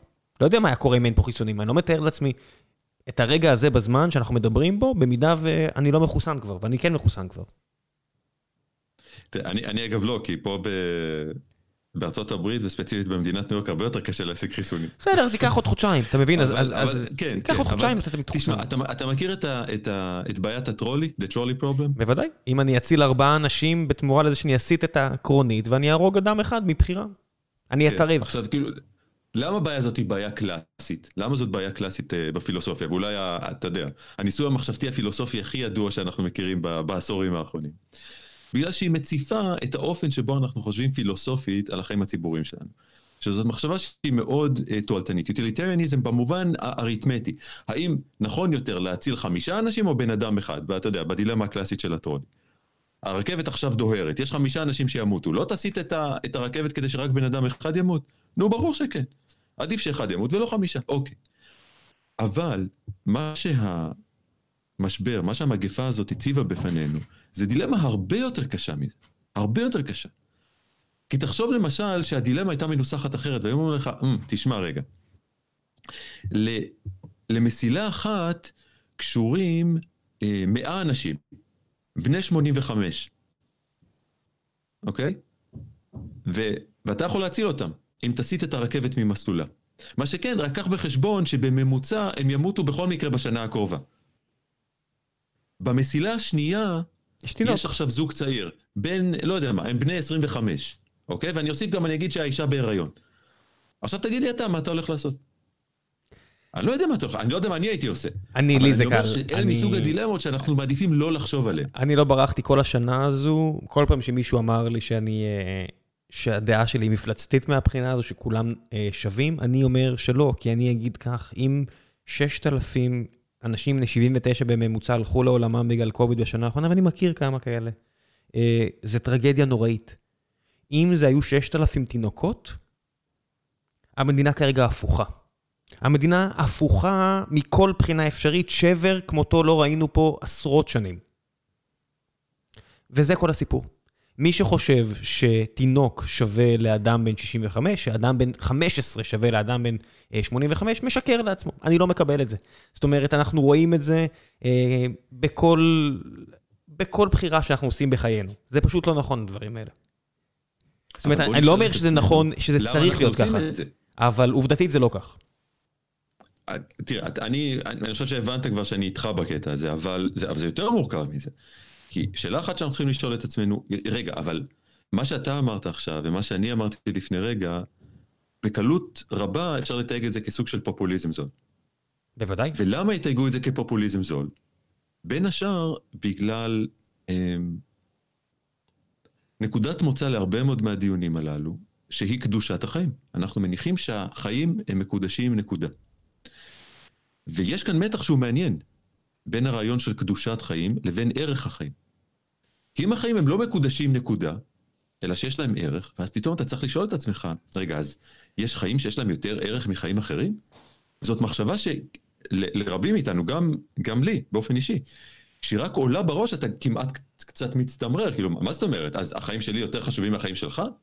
או החיים שלך יותר משלי? ו, ועם האפשרות הזאת בכלל לא עולה על הדעת, אתה יכול להגיע בקלות רבה מאוד למסקנות שאתה, שאתה מפחד מהן. עכשיו, אני אומר, לא תגיע בכך למסקנות הללו, אבל תישיר מבט לעבר האפשרות הזאת.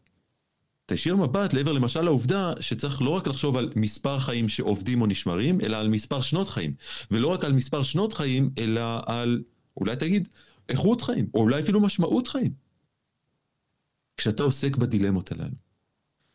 והחשש הגדול שלי כשאני חושב על, על השנה הזאת, על, על שנת הפחד והחרדה הזאת, שאנחנו מתמסרים כל כך בקלות אל החרדה הקיומית הזאת, כדי לברוח משאלות קשות יותר ביחס למשמעות הקיום שלנו, ביחס למשמעות החיים שלנו. כי אלה שאלות של להתמודד מולם. להישיר עיניים, אה, עיניים לעברם במראה, ש, שאלות שמחייבות אותך לדעת את עצמך. אלה שאלות שהתשובה עליהן היא, היא קשה מדי, ולכן אולי באיזשהו מקום קל יותר לברוח אל החרדה הקיומית, אל החרדה הבריאותית, אל, ה, אל המסכה, אל הפניית האצבע. ותשמע, זה, אני, רק כדי להבהיר, הטענה שלי שלא היינו צריכים להתעלם מהמגפה. למשל, אני חושב שהיה הרבה מאוד היגיון, בטח לעבוד על החיסונים, אבל הרבה מאוד היגיון אה, לשמור על שמירת המרחק. אגב, בעיניי זה מאוד מעניין שאנחנו קראנו לזה, אתה יודע, ה-social distancing, הבידוד כן. החברתי, ולא בידוד אה, אה, אה, גיאוגרפי. זה, זה מעניין שאנחנו, שאנחנו מדברים לא על בידוד שהוא פיזי מאחד לשני, אלא בידוד חברתי. מה, מה פתאום החלטנו שלדבר הזה קוראים בידוד חברתי? אתה יודע, כנראה שאנחנו בתוך תוכנו הבנו שיש כאן איזשהו תהליך שאנחנו עוברים בעולם שלנו הרבה מעבר לקורונה. הרבה מעבר לקורונה. אמ, וזה תהליך מטריד, במידה שבה הבידוד החברתי כאן, הבידוד באמת החברתי, הוא צל ש, שמלווה את חיינו פה. והוא לא עוזר לנו לטפח משמעות לחיים. בסופו של דבר, המדע וכלכלה וכל המושגים האלו מצילים אותנו מהרבה מאוד דילמות מוסריות קשות. זאת אומרת, תיקח... עכשיו בגלל הכימות. בוודאי, אם הכלכלה עכשיו מתרסקת, אם המדע מפסיק לשרת אותנו נאמנה, וכבר אנחנו לא מסוגלים, מסוגלים לדלות נתרן מהאוויר, כמו שאדם אה, מאוד מאוד מורכב, גרמני, הביא לנו לפני 100 שנה, והצליח מצד אחד אה, לנבוט את הזרעים שהפכו להיות הציקלון ב, שהמית הרבה מבני עמו, ומצד שני, להביא לנו דשן. אז אם אין לנו את הדשן, ואנחנו לא מסוגלים להכיל כל כך הרבה אנשים, מתחילות לבצבץ כל מיני שאלות מאוד מאוד קשות. בסוף, אתה יודע, עושר ורווחה מצילים אותנו אה, משאלות קשות. זאת אומרת, הכי טוב, זה כמו מנהל מוצר בחברת הייטק. הכי טוב זה לא לעשות טרייד-אופים, אני רוצה לעשות את כל הפיצ'רים. את כל, אני רוצה לפתח את כל האפשרויות. אבל כשאתה צריך לבוא ולעשות החלטות קשות, מתחיל לבצבץ מוסר, אתה יודע, דיברנו לפני 20 שנה, זאת אומרת, דיברנו על תקופה שלפני 20 שנה, ואותה שנה של 2002-2003, בית המשפט העליון אה, מתבקש להכריע, אני לא זוכר אם זה העליון או לא, אבל על נוהל שכן, ועל כל כן. מיני פרקטיקות כאלה ואחרות, שבדיוק מעלות את השאלה הזו, האם חייו של אה, ערבי פלסטיני, שכן, שבמקרה הוא שכן של טרוריסט, או אפילו חשוד בטרור, האם חייו שווים פחות מאשר חיי כלוחם צה"ל? האם אני יכול להשתמש בו בתור אה, כלב גישוש? כן. כן. זה שאלה שבית המשפט... לראות כן. במחבל שמוטל שותה דם, חסר הכרה, למרגיש הרגלותיך, אה, מוצדק מתוקף איזשהו ציווי, שהקם, כאילו שהוא קם, להורגו. כן, אתה יודע, היו הרבה, בסופו של דבר, כל עוד, זה מה שאמרתי גם בארצות הברית, לעומת רואנדה ומקומות כאלה, כל עוד הכל טוב, הרבה מאוד שאלות מוסריות לא צריכות להישאל, ואני חושב שנמנענו פה, ואני חושב שהרבה אנשים, על, על הכמה דקות האחרונות שדיברנו, הרבה אנשים ירימו גבה, כי אנחנו חיים בעולם שבו ההקרבה לא הייתה כזו גדולה, זאת אומרת, אני לא מזלזל בכך שעסקים נהרסו, ויש לי חברים שם, אמ, אני יודע שאני לא, ואני מאוד פריבילג, אני לא בורח מזה, אבל... אמ, אז כן, נהרסו עסקים, וכן, אנשים התאבדו, אבל בסופו של דבר, האנושות שוב אתה יודע, כמו הבריחה מהנבואה ממלטוס, שוב המדע mm-hmm. בא לשרת אותנו וברחנו מהחלטות קשות. שוב. אתה יודע, כזה כמו רוד ראנר, בשנייה האחרונה הזאב הגדול נכון, לא הצליח נכון, להפיל לנו נכון, את הכספת. נכון, נכון, יש פה עוד פעם מנוס מחופש, כן? בצורה כזאת או אחרת, אבל אתה יודע, המדע לא, אין מה לעשות, המדע לא פותר לך דילמות מוסריות. אין, אין, אין למדע, אין לו את היומרה אפילו לפתור לך את ה... את הדילמות המוסריות הללו. כי הם לא, מצ... כי לא מציפים את זה מולנו. תקשיב, יש עכשיו, אני לא יודע אם אתה, אם אתה חי, אה, אתה לא חי הרי בארץ, יש עכשיו אה, חברה בשם דרוב של אה, אריק צ'רניאק, שאפילו היה אורח פה לפני חמש או ארבע שנים, אם אני לא טועה, אני חושב שהוא עומד מאחורי זה, והיא מציגה ביוטיוב סרטונים סופר קשים, סופר קשים, שערוכים בצורה קשה של ילדים חולים, ואומרים לך, תקשיב, זה פה לידך, הילדים האלה שגוססים מסרטן, תן כמה שקלים. עכשיו, כשמאמתים אותך עם הסבל הבלתי נתפס הזה של הורים שיש להם ילד שכל כך סובל, בוא שים קצת כסף. ואתה בוחר ללחוץ skip ad. הופ, לא, לא קרה, לא ראיתי את זה. אני, אני הולך לראות את הקליפ שרציתי לראות. כן. וזה, אתה יודע, זה בחירות ש... אוקיי, או, או בוא נגיד, אה, אם היו אומרים, אה, העובדה שאתה באוטו לא חשמלי, שמתבסס על נפט והוא מזהם, או החשמל שאנחנו צורכים, שיהיה הרבה יותר יקר, אם היינו עוברים תוך עשר שנים אה, למשהו פחות מזהם, וכל האלפי אנשים שמתים פה מזיהום אוויר, לא גלובל וורמינג, לא דברים מסובכים, זיהום אוויר, דברים קונקרטיים, כן? כל הדברים, הבחירות הקטנות יותר שאנחנו עושים, אה, אבל פשוט לא מציפים מולנו את השיקולים. אז הכל בסדר, לא צריך להחליט. והקורונה פתאום שמה את הדיונים האלה בטוויטר. פתאום כל אדם נאבק בדילמת הטרולי, פתאום כל אחד נהיה פילוסוף. אתה יודע, כל קשקשן כמוני פתאום מתחיל אה, לחשוב על ההשלכות, לעשות בחירות.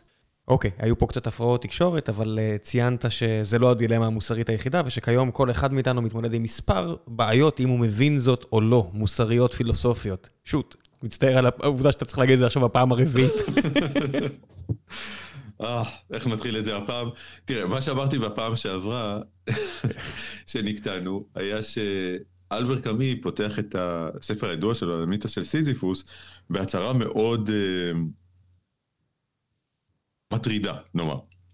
מבחינתו, ישנה רק בעיה פילוסופית אחת חשובה, והיא בעיית ההתאבדות. האם ראוי או לא ראוי לחיות את החיים האלה.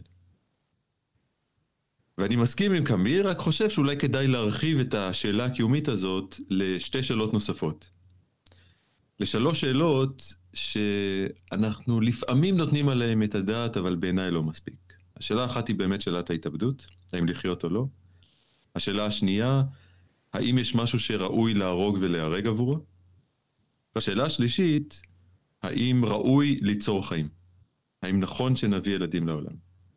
הזכרת קודם את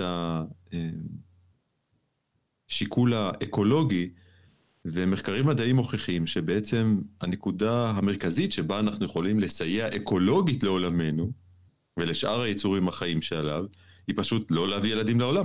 או לא לחיות בעצמנו. נכון, יפה. ואני חושב שנכון שנשאל את עצמנו את השאלות האלה. האם אנחנו נכונים לצורך העניין להקריב את עצמנו, המין האנושי כולו, כדי שכדור הארץ ושאר הזנים שעליו ימשיכו להתקיים? בהנחה שאכן אנחנו מהווים לא רק סכנה ברורה, מוחשית, מיידית, אלא גם בוודאות מאוד מאוד קרובה, לכך שאנחנו מחסלים את כל מה שהולך כאן חוץ מאשר אותנו, ואולי גם אותנו בסופו של דבר?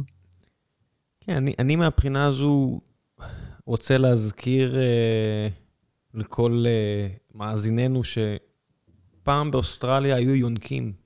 גדולים, הרבה יותר מקנגרו, מלא סוגים.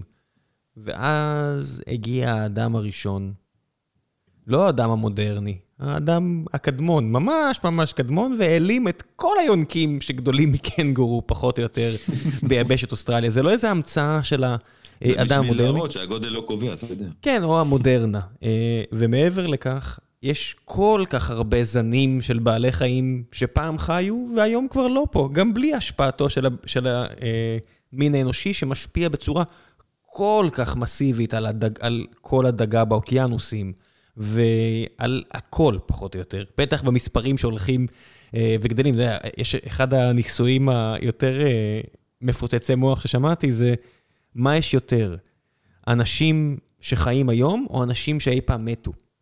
וזה נשמע לכם טריוויאלי, אתם תגידו, בטח אנשים שיותר, אה, בטח יותר אנשים שמתו מאשר אנשים שחיים היום. עד שאתה קצת צולל ורואה שזה משהו שקרה ממש לאחרונה. העניין הזה, יש פשוט המון מאיתנו. האדם המודרני, yep. אה, בעולם המערבי... הוא ורבו, נכון? אז, אז ברוב המוחלט של העולם המערבי, הבחירה הזו נעשתה. זאת אומרת, מלבד אה, צרפת וישראל, ואני לא יודע אם יש עוד, הרוב המוחלט של העולם המערבי, ולא רק במערב, באיזושהי תפיסה אירופאית צנטרית כזאת, שאתה יודע, זה מתחיל באירופה וכל מה שמזרח ומערב לאירופה. בעולם, אתה יודע, אנחנו מבינים מה זה אומר, העולם המערבי. המפותח. המפותח, כן. הילודה היא מתחת לשתיים. שוב, מלבד, אני חושב שצרפת עם איזה 1.8, 1.75, 1.9, משהו שקרוב לשתיים, וישראל שהיא צפונית לשתיים בצורה ניכרת. כן. כל שאר העולם, לעניות דעתי, אה, מתחת לשתיים, משמע 2.1 לקצב התחלופה, כן, כן משמע הבח... הבחירה נעשית על ידי uh, הרוב המוחלט של התרבויות. שאלתי פה, אתה יודע, ישבה פה uh, נועם רודיך, דוקטור נועם רודיך, שעזבה את עולם הביולוגיה כדי להציל חיות. ושאלתי אותה על, ה... על העניין הזה של, יש הרבה אנשים טבעוניים שהם uh, מצילים כלבים עזובים והכול, שהם נלחמים בכל מה שקשור לגזעים גזעיים ולקניית כלבים. הם נלחמים הרי בריבוי הטבעי של ה... לא ריבוי טבעי, בריבוי המלאכותי של הגזעים האלה ובשמירה עליהם, ורוצים רק שיאמצו אה, כלבים משוטטים. אני אומר, אוקיי, אם נניח היום הייתה הבחירה של אין יותר את, המח... את המקומות האלה שמרביעים כלבים גזעיים, אז זה אומר שכל הגזעים האלה ייעלמו בסופו של דבר, נכון? אוקיי, אז האם פונקציית המטרה היא שלא יהיה יותר כלבים? אתה מבין? מה, איזה ריבוי כן. בדיוק יהיה, אם אנחנו מעקרים ומסרסים את הכלבים ואת הכלבות, ואנחנו נהיה נגד אה, בעצם כל הבתי גידול האלה של כלבים גזעיים, מה פונקציית המטרה פה? אם אנחנו הולכים על נכון. להפחית את הסבל, עד לאיזו רמה? עד לרמה שאין יותר כלבים? אם אנחנו אומרים, אוקיי, אנחנו לא רוצים פרות למאכל, ולא רוצים חלב, כי אנחנו נגד אה, שימוש מן החי, אוקיי, אז זה אומר שלא יהיה פרות, כן? כי אין יותר מקום שבו פרות יחיו בטבע. כן. כן, אני חושב שנגעת באחת מהנקודות הקריטיות להבנת המוסר שלנו והדילמות שאנחנו חווים. כי יותר ויותר העוגן המוסרי שלנו הוא הסבל, למזער את הסבל. ואפשר להבין את זה. אנחנו לא רוצים לגרום סבל. כל בן אדם שיראה לא איך... לא לכם, לא לעצמנו. בטח, אני לא אלך אפילו לדברים הטבעיים, הדברים הברורים של אפרוחים, והדבר הנוראי, הנוראי הזה, שאם אתה רואה אפרוחים נמחצים, חיות שרק כן, נולדו כן, ונמחצות, כן, כן, זה נורא קל, כולם יסכימו, אבל תלכו למקום, אמרתי לה, יש בראשון לציון מגדל, אני לא מציין שמות, לא רוצה שאף אחד יתבע אותי, אבל הוא, הוא מרביע שם, והמלטזית הקטנה שהוציאה כל כך הרבה גורים, יש לה חיים נוראים. יש לה חיים נוראים. בוא, בוא נשים את זה על השולחן כדי שלאנשים יהיו את הגזע החמוד הזה, שגם לי יש בבית, אני לא בורח מזה. Mm-hmm. זה, זה נוצר מסבל. ו- ו- כן. וצריך, אתה יודע, אנחנו לא מתעמתים עם הדברים האלה, כי אנחנו מסתכלים לצד השני. ואם נשאיר עיניים, זה, זה נוצר מסבל כדי למנוע סבל, ולחולל אושר, או רגעים של, של אושר ושמחה. שנים של אושר, מה זה רגעים של אושר? של שמחה בצלחת ובבטן שלנו, כן. ובין אם, אתה יודע, זה קומפניאן, כאילו, זה, זה חיית המחמד שלנו.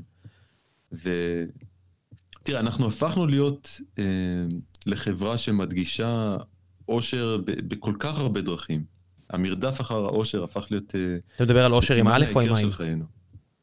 שמה? לא שמעתי. אתה מדבר על אושר עם א' או עם עין פה? א', בעין כאיזשהו אמצעי אה, מדומה או אמיתי כדי להגיע לאושר באלף. זה, זה ה-Holy Grail, זה הגביע הקדוש, להיות מאושר. ומה אנחנו צריכים בדרך לשם? אנחנו צריכים להיות בריאים, אנחנו צריכים להיות עשירים, אנחנו צריכים שתהיה לנו אהבה, יש לנו רשימת מכולת שלמה שאנחנו יצרנו לעצמנו בעידן המודרני המאוחר, שצריכים צ'קליסט, אתה יודע, לעשות צ'ק, צ'ק, צ'ק, צ'ק, ואז אנחנו נהיה מאושרים. אני, מה שמדהים כן. בתהליך הזה, הוא שאנחנו הולכים עם הרשימה הזאת כבר תקופה די ארוכה. זה לא עובד. מה זה די ארוכה? לא יודע, אני די בטוח שהאדם המודרני, ברובו, מי שחי שוב בעולם הערבי, הרבה יותר מאושר מאשר כשאובס כתב על החוויה האנושית הקצרה והאלימה. כן, אתה יודע... אני לא, יובל נוח הררי... זאת שאלה אתה יודע, סיפרתי כן. לך קודם על הספר שאני כותב עכשיו על סכסוכים, על הסכסוך הישראלי-פלסטיני, הרי אחד מהביטויים אה, שהובס אה, השתמש בו בצורה מובהקת בחיבורים שלו, שאדם לאדם זאב. ורבים חזרו על המשנה הזאת, אדם לאדם זאב. ואמרתי, אוקיי, מעניין לראות מה שיעורי ההריגה בקרב זאבים בהשוואה לבני אדם. הייתה תקופה אחת בהיסטוריה האנושית, ששיעורי ההרג ההדדי בקרב בני אדם, של הרציחות בעצם, בצורה כזאת או אחרת, זה לא משנה מה הרקע, מתקרבת לשיעורם של זאבים שהורגים אחד את השני. ואתה לא טועה, זה קרה בתקופה הזאת. קצת בשלהי התקופה הזאת, כלומר אנחנו מדברים על ימי הביניים, והופס uh, כותב את הספר שלו uh, ממש בתחילת uh, עידן הנאורות, מחצית המאה ה-17. Um, זאת הייתה התקופה היחידה, עד כמה שאנחנו יודעים כמובן, אלה העדויות המדעיות שיש לנו, שבה אנחנו התקרבנו לשיעורי הריגה של זאבים. ככלל, בני אדם הורגים את עצמם הרבה, הרבה, הרבה פחות מזאבים, וגם הרבה פחות מחיות קטלניות uh, אחרות בטבע. ואתה יודע, הרבה אנשים משווים אותנו לשימפנזים. זה נכון שגם השימפנזים אה, הן חיות קטלניות למדי, ואנחנו קרובים מאוד אל השימפנזים מבחינה גנטית. הם שוכחים שאנחנו גם קרובים בה במידה, אפילו טיפה יותר מבחינה גנטית, לקופי הבונובו. שמתמסרים להנאה. מאוד מאוד שלווים. וחמודים. הם אוהבים לעשות הרבה יותר סקס מאשר אה, מלחמות, אף על פי שגם להם יש את הצדדים האלימים, בעיקר כלפי העוללים. ואנחנו, אתה יודע, גנטית אנחנו בין השניים. ואם תרצה, זה חוזר לנקודה שאיתה אנחנו התחלנו. בסופו של דבר שאלה של בחירה. גם מבחינה גנטית, אנחנו קרובים בה במידה. הן לקופים האלה ש... שדי אוהבים אה, להפגין אלימות קטלנית אחד כלפי השני, וגם זה צריך לומר, גם אצל השימפנזות, רוב הזמן שלהם לא עובר בהרג הדדי, בכלל לא. 95 אחוזים הם מאוד מאוד שלווים. אבל כן, יש, יש גם את הצד האלים יותר. אה, ומנגד יש את הקופים שגם הם קרובים, או סליחה, קופי אדם, אייפס, הבונובוז, שהם הרבה יותר שלווים.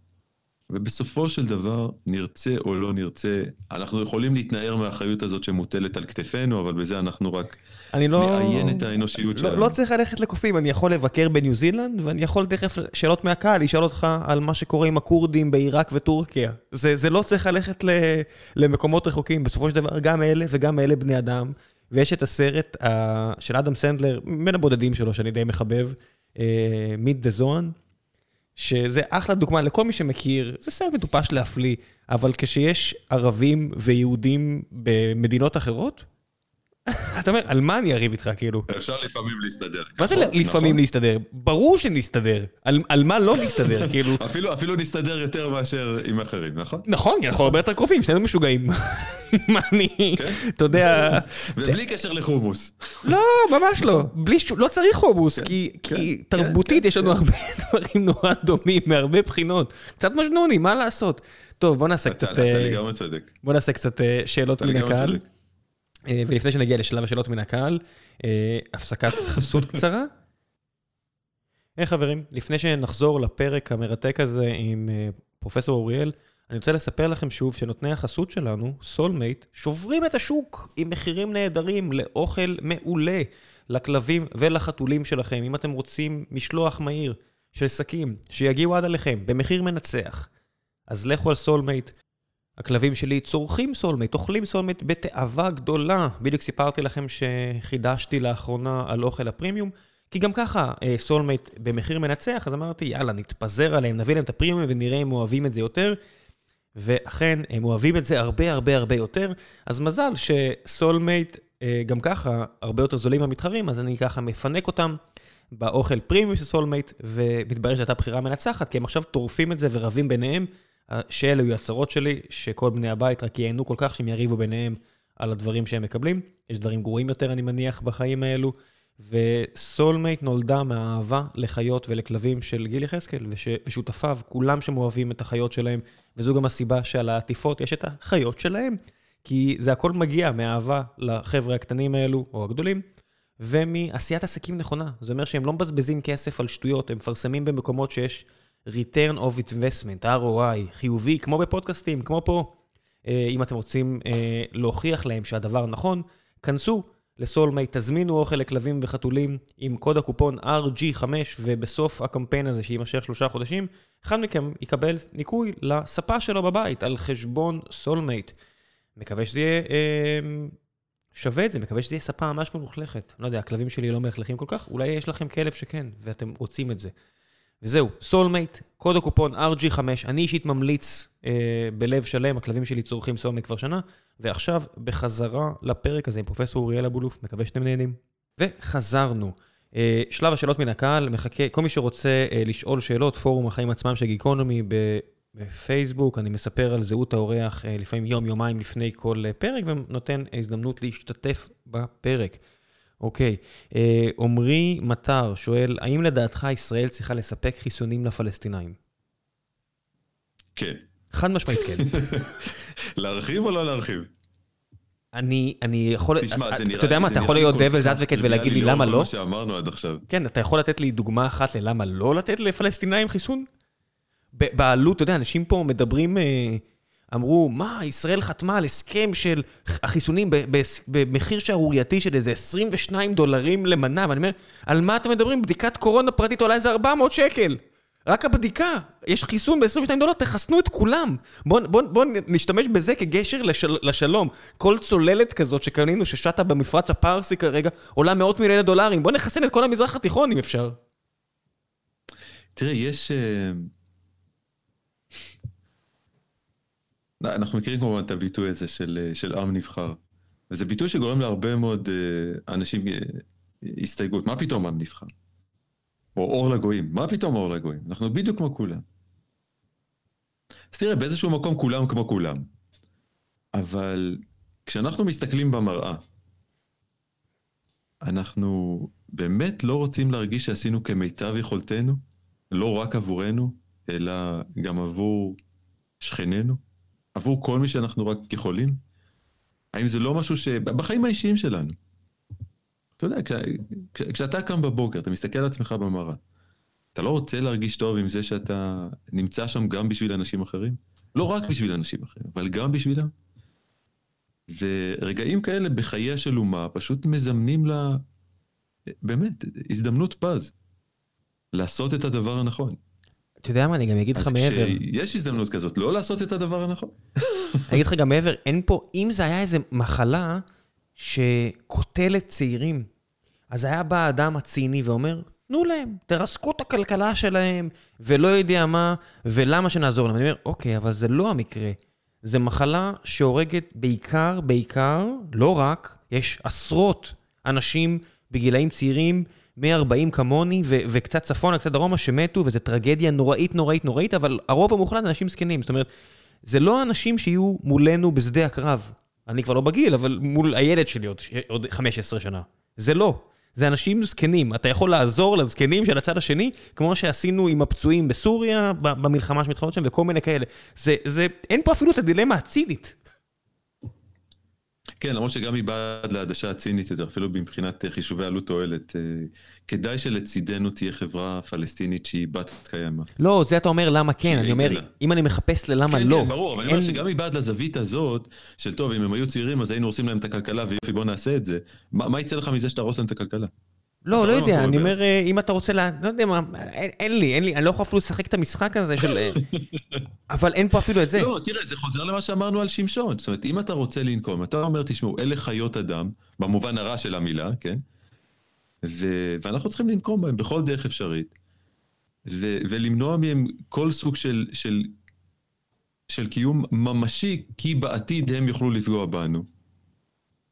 אז כן, תשמע, יש לישראל, אנחנו מכירים את דימונה, נכון? אנחנו יודעים מה יש לנו. או אפילו תמצא אמצעים שהם אה, אחרים, קונבנציונליים או לא קונבנציונליים ביולוגיים. בוא תעשה רצח עם. באמת, אני מציע לכל ישראלי שישאל את עצמו, אם אתה יכול לעשות עכשיו רצח עם לפלסטינים, ונניח שהעולם לא יעשה כלום, לא יעשה כלום העולם. יישב מנגד. אף אחד לא, לא יצייץ אפילו, כמו שהסין יכולים לעשות עכשיו באויגור. אתה רוצה את זה? אנחנו רוצים לעשות עכשיו, עם כל ההיסטוריה שיש לנו עם הפלסטינים. ונניח שאנחנו יכולים להעביר עכשיו רצח עם, בכיף. שנה של רצח עם ופתרנו את הבעיה הפלסטינית. אתה, אתה, אתה רוצה לעשות את זה? שכל ישראלי ישאל את עצמו את השאלה הזאת. אני מעדיף לא לדעת את התשובות לגבי הרבה אנשים. אני רוצה לדעת את התשובות. אני רוצה לדעת את התשובות. אני חושב ש... לפעמים כיף לי לחיות בבורות שלי. היה תלוי בי, היינו, היינו לא עושים בחירות, כלומר, בחירות צריך לעשות, אבל היינו עושים משאל עם. היינו הולכים ושואלים את הישראלים, תגידו, אתה, אתם בעד שתי מדינות לשני עמים? ושלום, הסדר שלום. או נגד, והייתי שואל גם את הפלסטינים. ואתם חושבים שהפלסטינים יגידו לנו, לא, בוא נשאל, בוא נראה. אה, לעניות דעתי, אני חושב שעם המפה הפוליטית הנוכחית, אה, השאלה הזו מיותרת, כי התשובה די ברורה, אבל לא מזיק אף פעם לדעת. לא בטוח, לא בטוח. אני חושב שאנחנו יכולים להיות אה, מופתעים גם מעצמנו, בעיקר אם אנחנו נהיה מופתעים מן האחר. להיות מופתעים לרעה, לא, דיברתי על עצמנו, דיברתי על עצמנו, כן? להיות מופתע לרעה יותר, אני לא חושב שאני יכול מהבחינה הזו. כי יש לי תפיסה... תמיד אפשר לגרד עוד יותר את העמוק, בתחתית החבית. כן, אני יודע. אמיר אה, גולדשטיין שואל, האם אתה דובר ערבית? אה, הלוואי שהייתי דובר כמו שפעם. למדתי ערבית היטב, ידעתי לקרוא ככה עיתונים בכיף, אבל זה נשחק מאוד כשאני לא מתרגל את זה, וזה כבר יותר מ... מעשר שנים שאני לא מתרגל את זה ככה. אז אני יכול פה ושם להסתדר, אבל נניח, אני, אני, כשאני קורא ערבית נניח מעיתון או משהו, אני, אני צריך מילון. אבל אתה יכול לקיים שיחה, זאת אומרת, אם עכשיו... אה, פתאום אתה קולט שהשכן שלך באיתיקה ערבי, אתה יכול לנהל לו שיחה. זה שבור, חבל, כאילו מה, אני אעמיד פנים? לא, זה יהיה שבור. לא, אני צריך... אה, צריך כדי לעשות את זה באמת, אני צריך להיכנס עוד פעם לעניינים. אתה יודע, ממש לקחת איזשהו קורס רציני של ערבית מדוברת, אני מניח שאחרי איזה חודש, חודשיים אני כבר שוחה בזה, אבל... אבל לא עכשיו. זה לא... לא, לא. כן, ככה, זה שפה כמו כל כלי. אה, כן, מי, ש... כן, מי שידע פעם יהיה לו קל יותר לחזור, שנים, אבל שנים. כן. אה, גיל דולברג שואל, מי צודק בנגורנו קרבח? יש דבר כזה בכלל צודק? כן.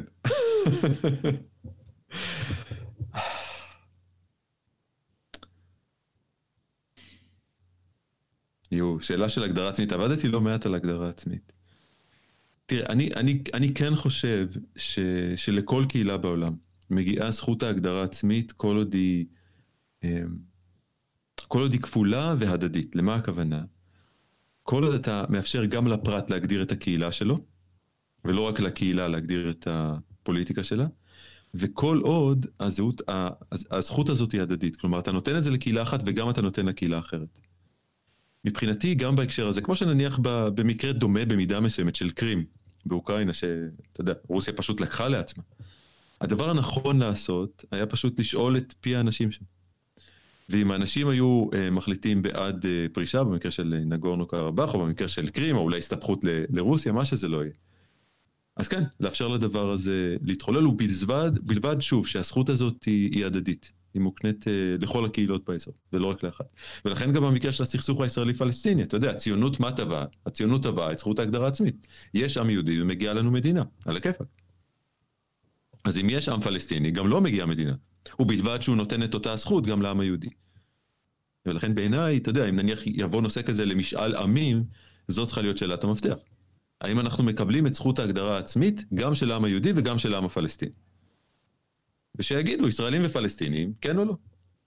ונראה מי באמת רוצה שלום ומי לא, ועד כמה. כן, הנושא הזה כל כך נפיץ, שיבואו מספיק אנשים ויגידו שהם לא עונים להגדרה של עם, וכל הדברים האלו, ואני אומר, בסופו של דבר, אה, אם הם מגדירים את עצמם כעם. זה מספיק טוב. מה אני, כן, כמו שקרה גם לעם היהודי, אתה יודע, מה אתה צריך? העם מגדיר את עצמו, בשורה התחתונה. אם יש מספיק אנשים שקוראים לעצמם יהודים, וחושבים שיש עם יהודי, יש עם יהודי. אם יש מספיק אנשים שחושבים שהם פלסטינים, ושיש עם פלסטיני, אז יש עם פלסטיני. העם הפלסטיני כמובן קם מאות בשנים לאחר העם היהודי, אבל זה לא משנה, כרגע יש עם פלסטיני.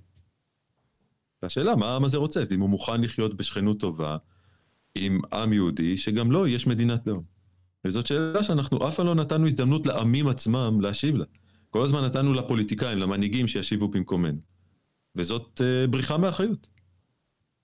וכמו שאמרתי קודם, אני חושב שזה בליבה של האנושיות שלנו. החופש והאחריות uh, לבחירות שלנו.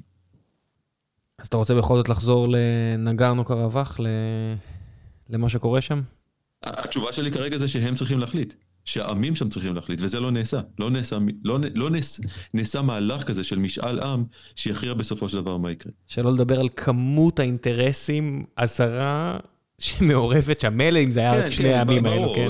רוסיה וארמניה, כאילו זה, לא... כן. וטורקיה ואיראן ואלף ואחד, אה, ונשק. הישראלי ונשק אמו. אה, כן, אה, המציאות מסובכת.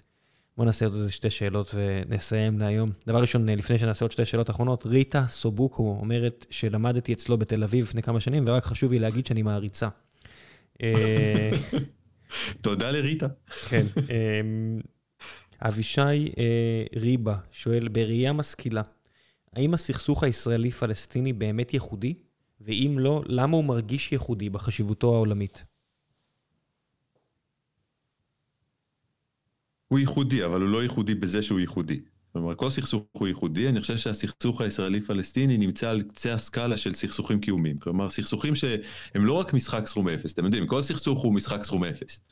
כי אחרת לא היה סכסוך אם זה לא היה משחק סכום אפס. אתה תופס שאם יש לך אז אין לאחר ולהפך, אם יש לו אז אין לי. אבל סכסוך קיומי הוא סכסוך שבו אתה חושב שה, שהיריב הוא בעצם אויב שגם יכול וגם זומם להכחיד אותך. והמסקנה שלך שאין מספיק מקום בארץ הזאת או בעולם הזה לשנינו. זה או אני או הוא, או הם או אנחנו. והסכסוך הישראלי-פלסטיני אה, הפך ברבות השנים.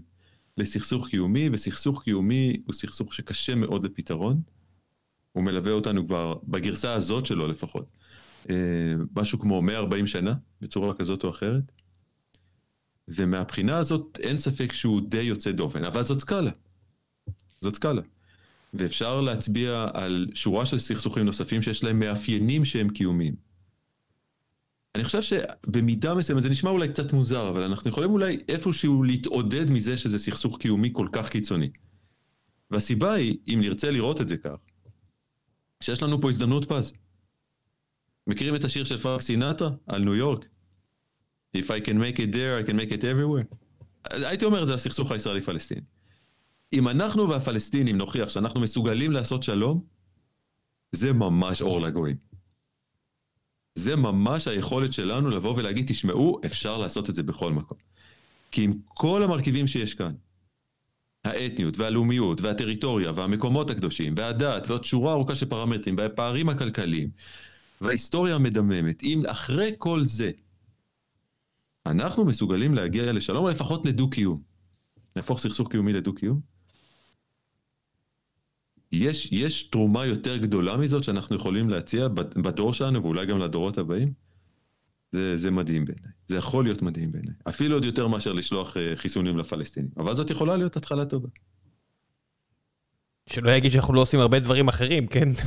אם, אם, אם כי אנחנו חייבים או לא, זה קורה כל הזמן, פשוט כמו, כמו כל דבר עם הקורונה, זה פשוט שם זרקור על הסיפור הזה. נכון, נכון, בדיוק, בדיוק, בדיוק. זה מזמן לנו צומת. ואת היכולת ללכת בדרך הנכונה, בעיניי לפחות, או בדרך אה, הרבה פחות נכונה. טוב, שאלה אחרונה, אה, ויש פה איזושהי אה, אה, שאלה ארוכה, והיה שם איזשהו דיון שלא נכנסתי אליו כל כך, אז אני פשוט אקריא את השאלה של ליאור טפר, שהוא, אני רואה שהוא שואל המון המון שאלות, מאזין ותיק של הפודקאסט. בישראל mm-hmm. חלק הולך וגדל של האוכלוסייה רואה את הקיום המשותף כמעין משחק סכום אפס, כמו שדיברת פה, שבו כל התקדמות של הצד השני הוא בהכרח הפסד עבורם, אה, וכל שלילת זכויות וחירויות היא רווח. בהתאם לכך פועל באופן אקטיבי בכדי להגביל את החירויות של הצד השני. הרושם שלי הוא שככל שדתיים חרדים מתחזקים, כך הנכונות הנמוכה גם כך לפשרה מצטמצמת ואיתה אפשרות לקיים מדינה עם פנים שונות ומגוונות. נניח והשאלות המדיניות כדוגמת הכיבוש, שלדעתי הן מהותיות, גם כן לא היו קיימות, האם לדעתו זה מצב בר קיימא לטווח הרחוק, הארוך, ואם לא, מה אפשר לעשות במידה? כלומר, הוא בעצם שואל, נניח שאין סכסוך. אנחנו מסתכלים רק על החברה הישראלית פנימה, האם החברה הזאת עם כל השסעים והמתחים בה היא בת קיימא? כן.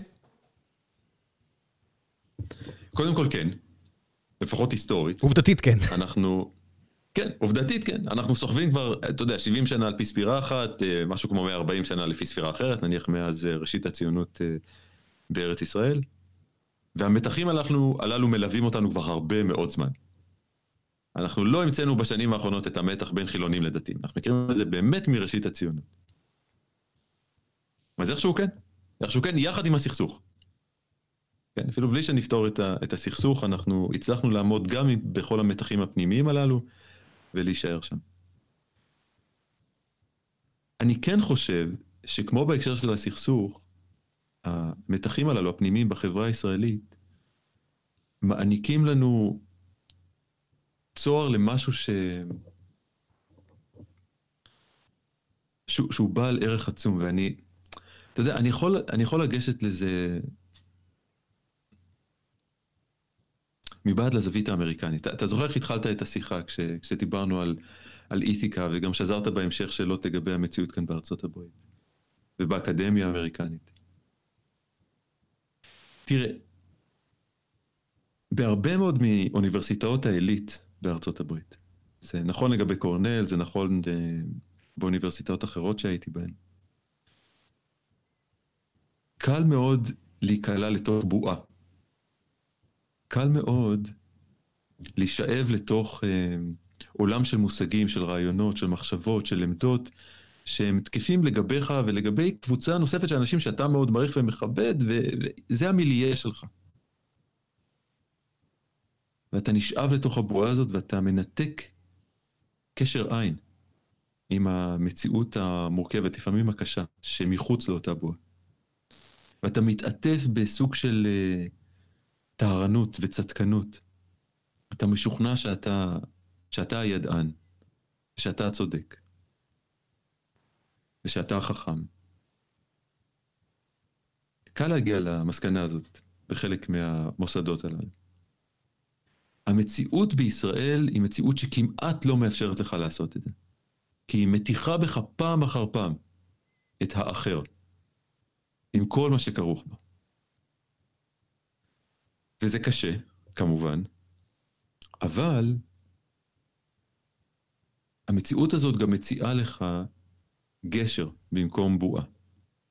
היא מציעה לך את האפשרות לנסות עד כמה שאפשר, ודיברנו על הפער הזה בין היכולת שלנו להבין את עצמנו והיכולת שלנו להבין את האחר. המציאות הישראלית פותחת לך צוהר להבנת האחר באופן שמעט מאוד חברות ברחבי העולם יכולות להציע במידה כזאת של אינטנסיביות. ועם משקל כל כך כבד של ההיסטוריה. ואני בתור ירושלמי, אני יודע על מה אני מדבר בהקשר הזה. אני לא הייתי מי שאני היום אם לא הייתי ירושלמי. אין, אין, אין, אין, אין אה, מקום לברוח מזה בארץ. גם בהכי מבודד, אה, לא יודע, לב תל אביב זה בטח לא כזה, כי יש כולל בכל מקום פה, ויש רחוב, יש בית הכנסת פה כן. המון, וכולם חיים ביחד, כן? אה, פשוט הכל נחמד. אבל אין לברוח, הגיוון פה הוא עצום, והכל דחוס וקטן וחם. כן, כן, כן, ו, ושוב, זה, זה קשה, אין ספק. כאילו, לכן אנחנו גם אוהבים לברוח לנתב"ג, נכון? כשהוא פתוח ואפשר לצאת. אבל הצד השני של המטבע, הוא שהדחיסות הזאת, האינטנסיביות הזאת, שלא מרפה והולמת שוב ושוב, גם יש בה את הפוטנציאל לפחות של הושטת יד, של הפניית מבט לעבר האחר בניסיון להבנה אמיתית. ואתה יודע, אפשר לחשוב על זה כעל מילים בעלמא, סוג של איזושהי אוטופיה, על מה הוא מדבר כאן וכל... זה מעבר לפינה, מעבר לכל פינה. כל שמאלני מבית טוב שיהיה מוכן להושיט יד לעבר ימני מתנחל, לא יד במובן של אני מסכים למה שאתה אומר. תן לי לנסות להבין מנקודת המבט שלך. ואותו דבר מן הכיוון ההפוך. תראה, אני, לא נכנסנו ממש עד עכשיו לפוליטיקה קשה, אבל הסיבה המרכזית שהייתי רוצה לראות שבבחירות הקרובות ביבי חדל להיות ראש ממשלה, היא שהוא במשך שנות דור עכשיו, באמת שנות דור, עוד לפני רצח רבין ובעיקר לאחר רצח רבין. טיפח כאן תרבות של ציניות עמוקה כלפי הפוליטיקה ואחד כלפי האחר, באופן פרטי ובטח באופן קבוצתי. ואני חושב שהחברה הישראלית זקוקה לריפוי. ולא משנה כרגע אם זה יותר ימין, מרכז או שמאל, אבל ריפוי ונכונות להבנה. להסתכל על האחר, לנסות להבין אותו, ואולי איכשהו להתקרב למשהו שנתפס כאידיאל, אבל יכול להיות מציאות חיים. איזושהי אחווה שהיא כלל ישראלית. ואולי, שוב, באמצעות מה שנחולל כאן, אצלנו, במקום הקטן שלנו. להראות גם לאנשים ברחבי העולם כולו, שלא רק במבצעי חיסונים, אלא גם בתהליכי עומק, אנחנו מסוגלים להראות שאפשר גם אחרת, שאפשר גם טוב יותר, ולהעניק תקווה. זה ככלות הכל כותרת ההמנון הלאומי שלנו. אז בואו ננסה. יפה מאוד. במילים האלו נראה לי אה, נסיים לערב. תודה רבה, אוריאל, נעמת לי מאוד, היה לי ממש כיף לשוחח איתך. תודה רבה לך, היה ממש ממש כיף. אני אשלח לך לינק שזה באוויר. ביי בינתיים. ביי ביי.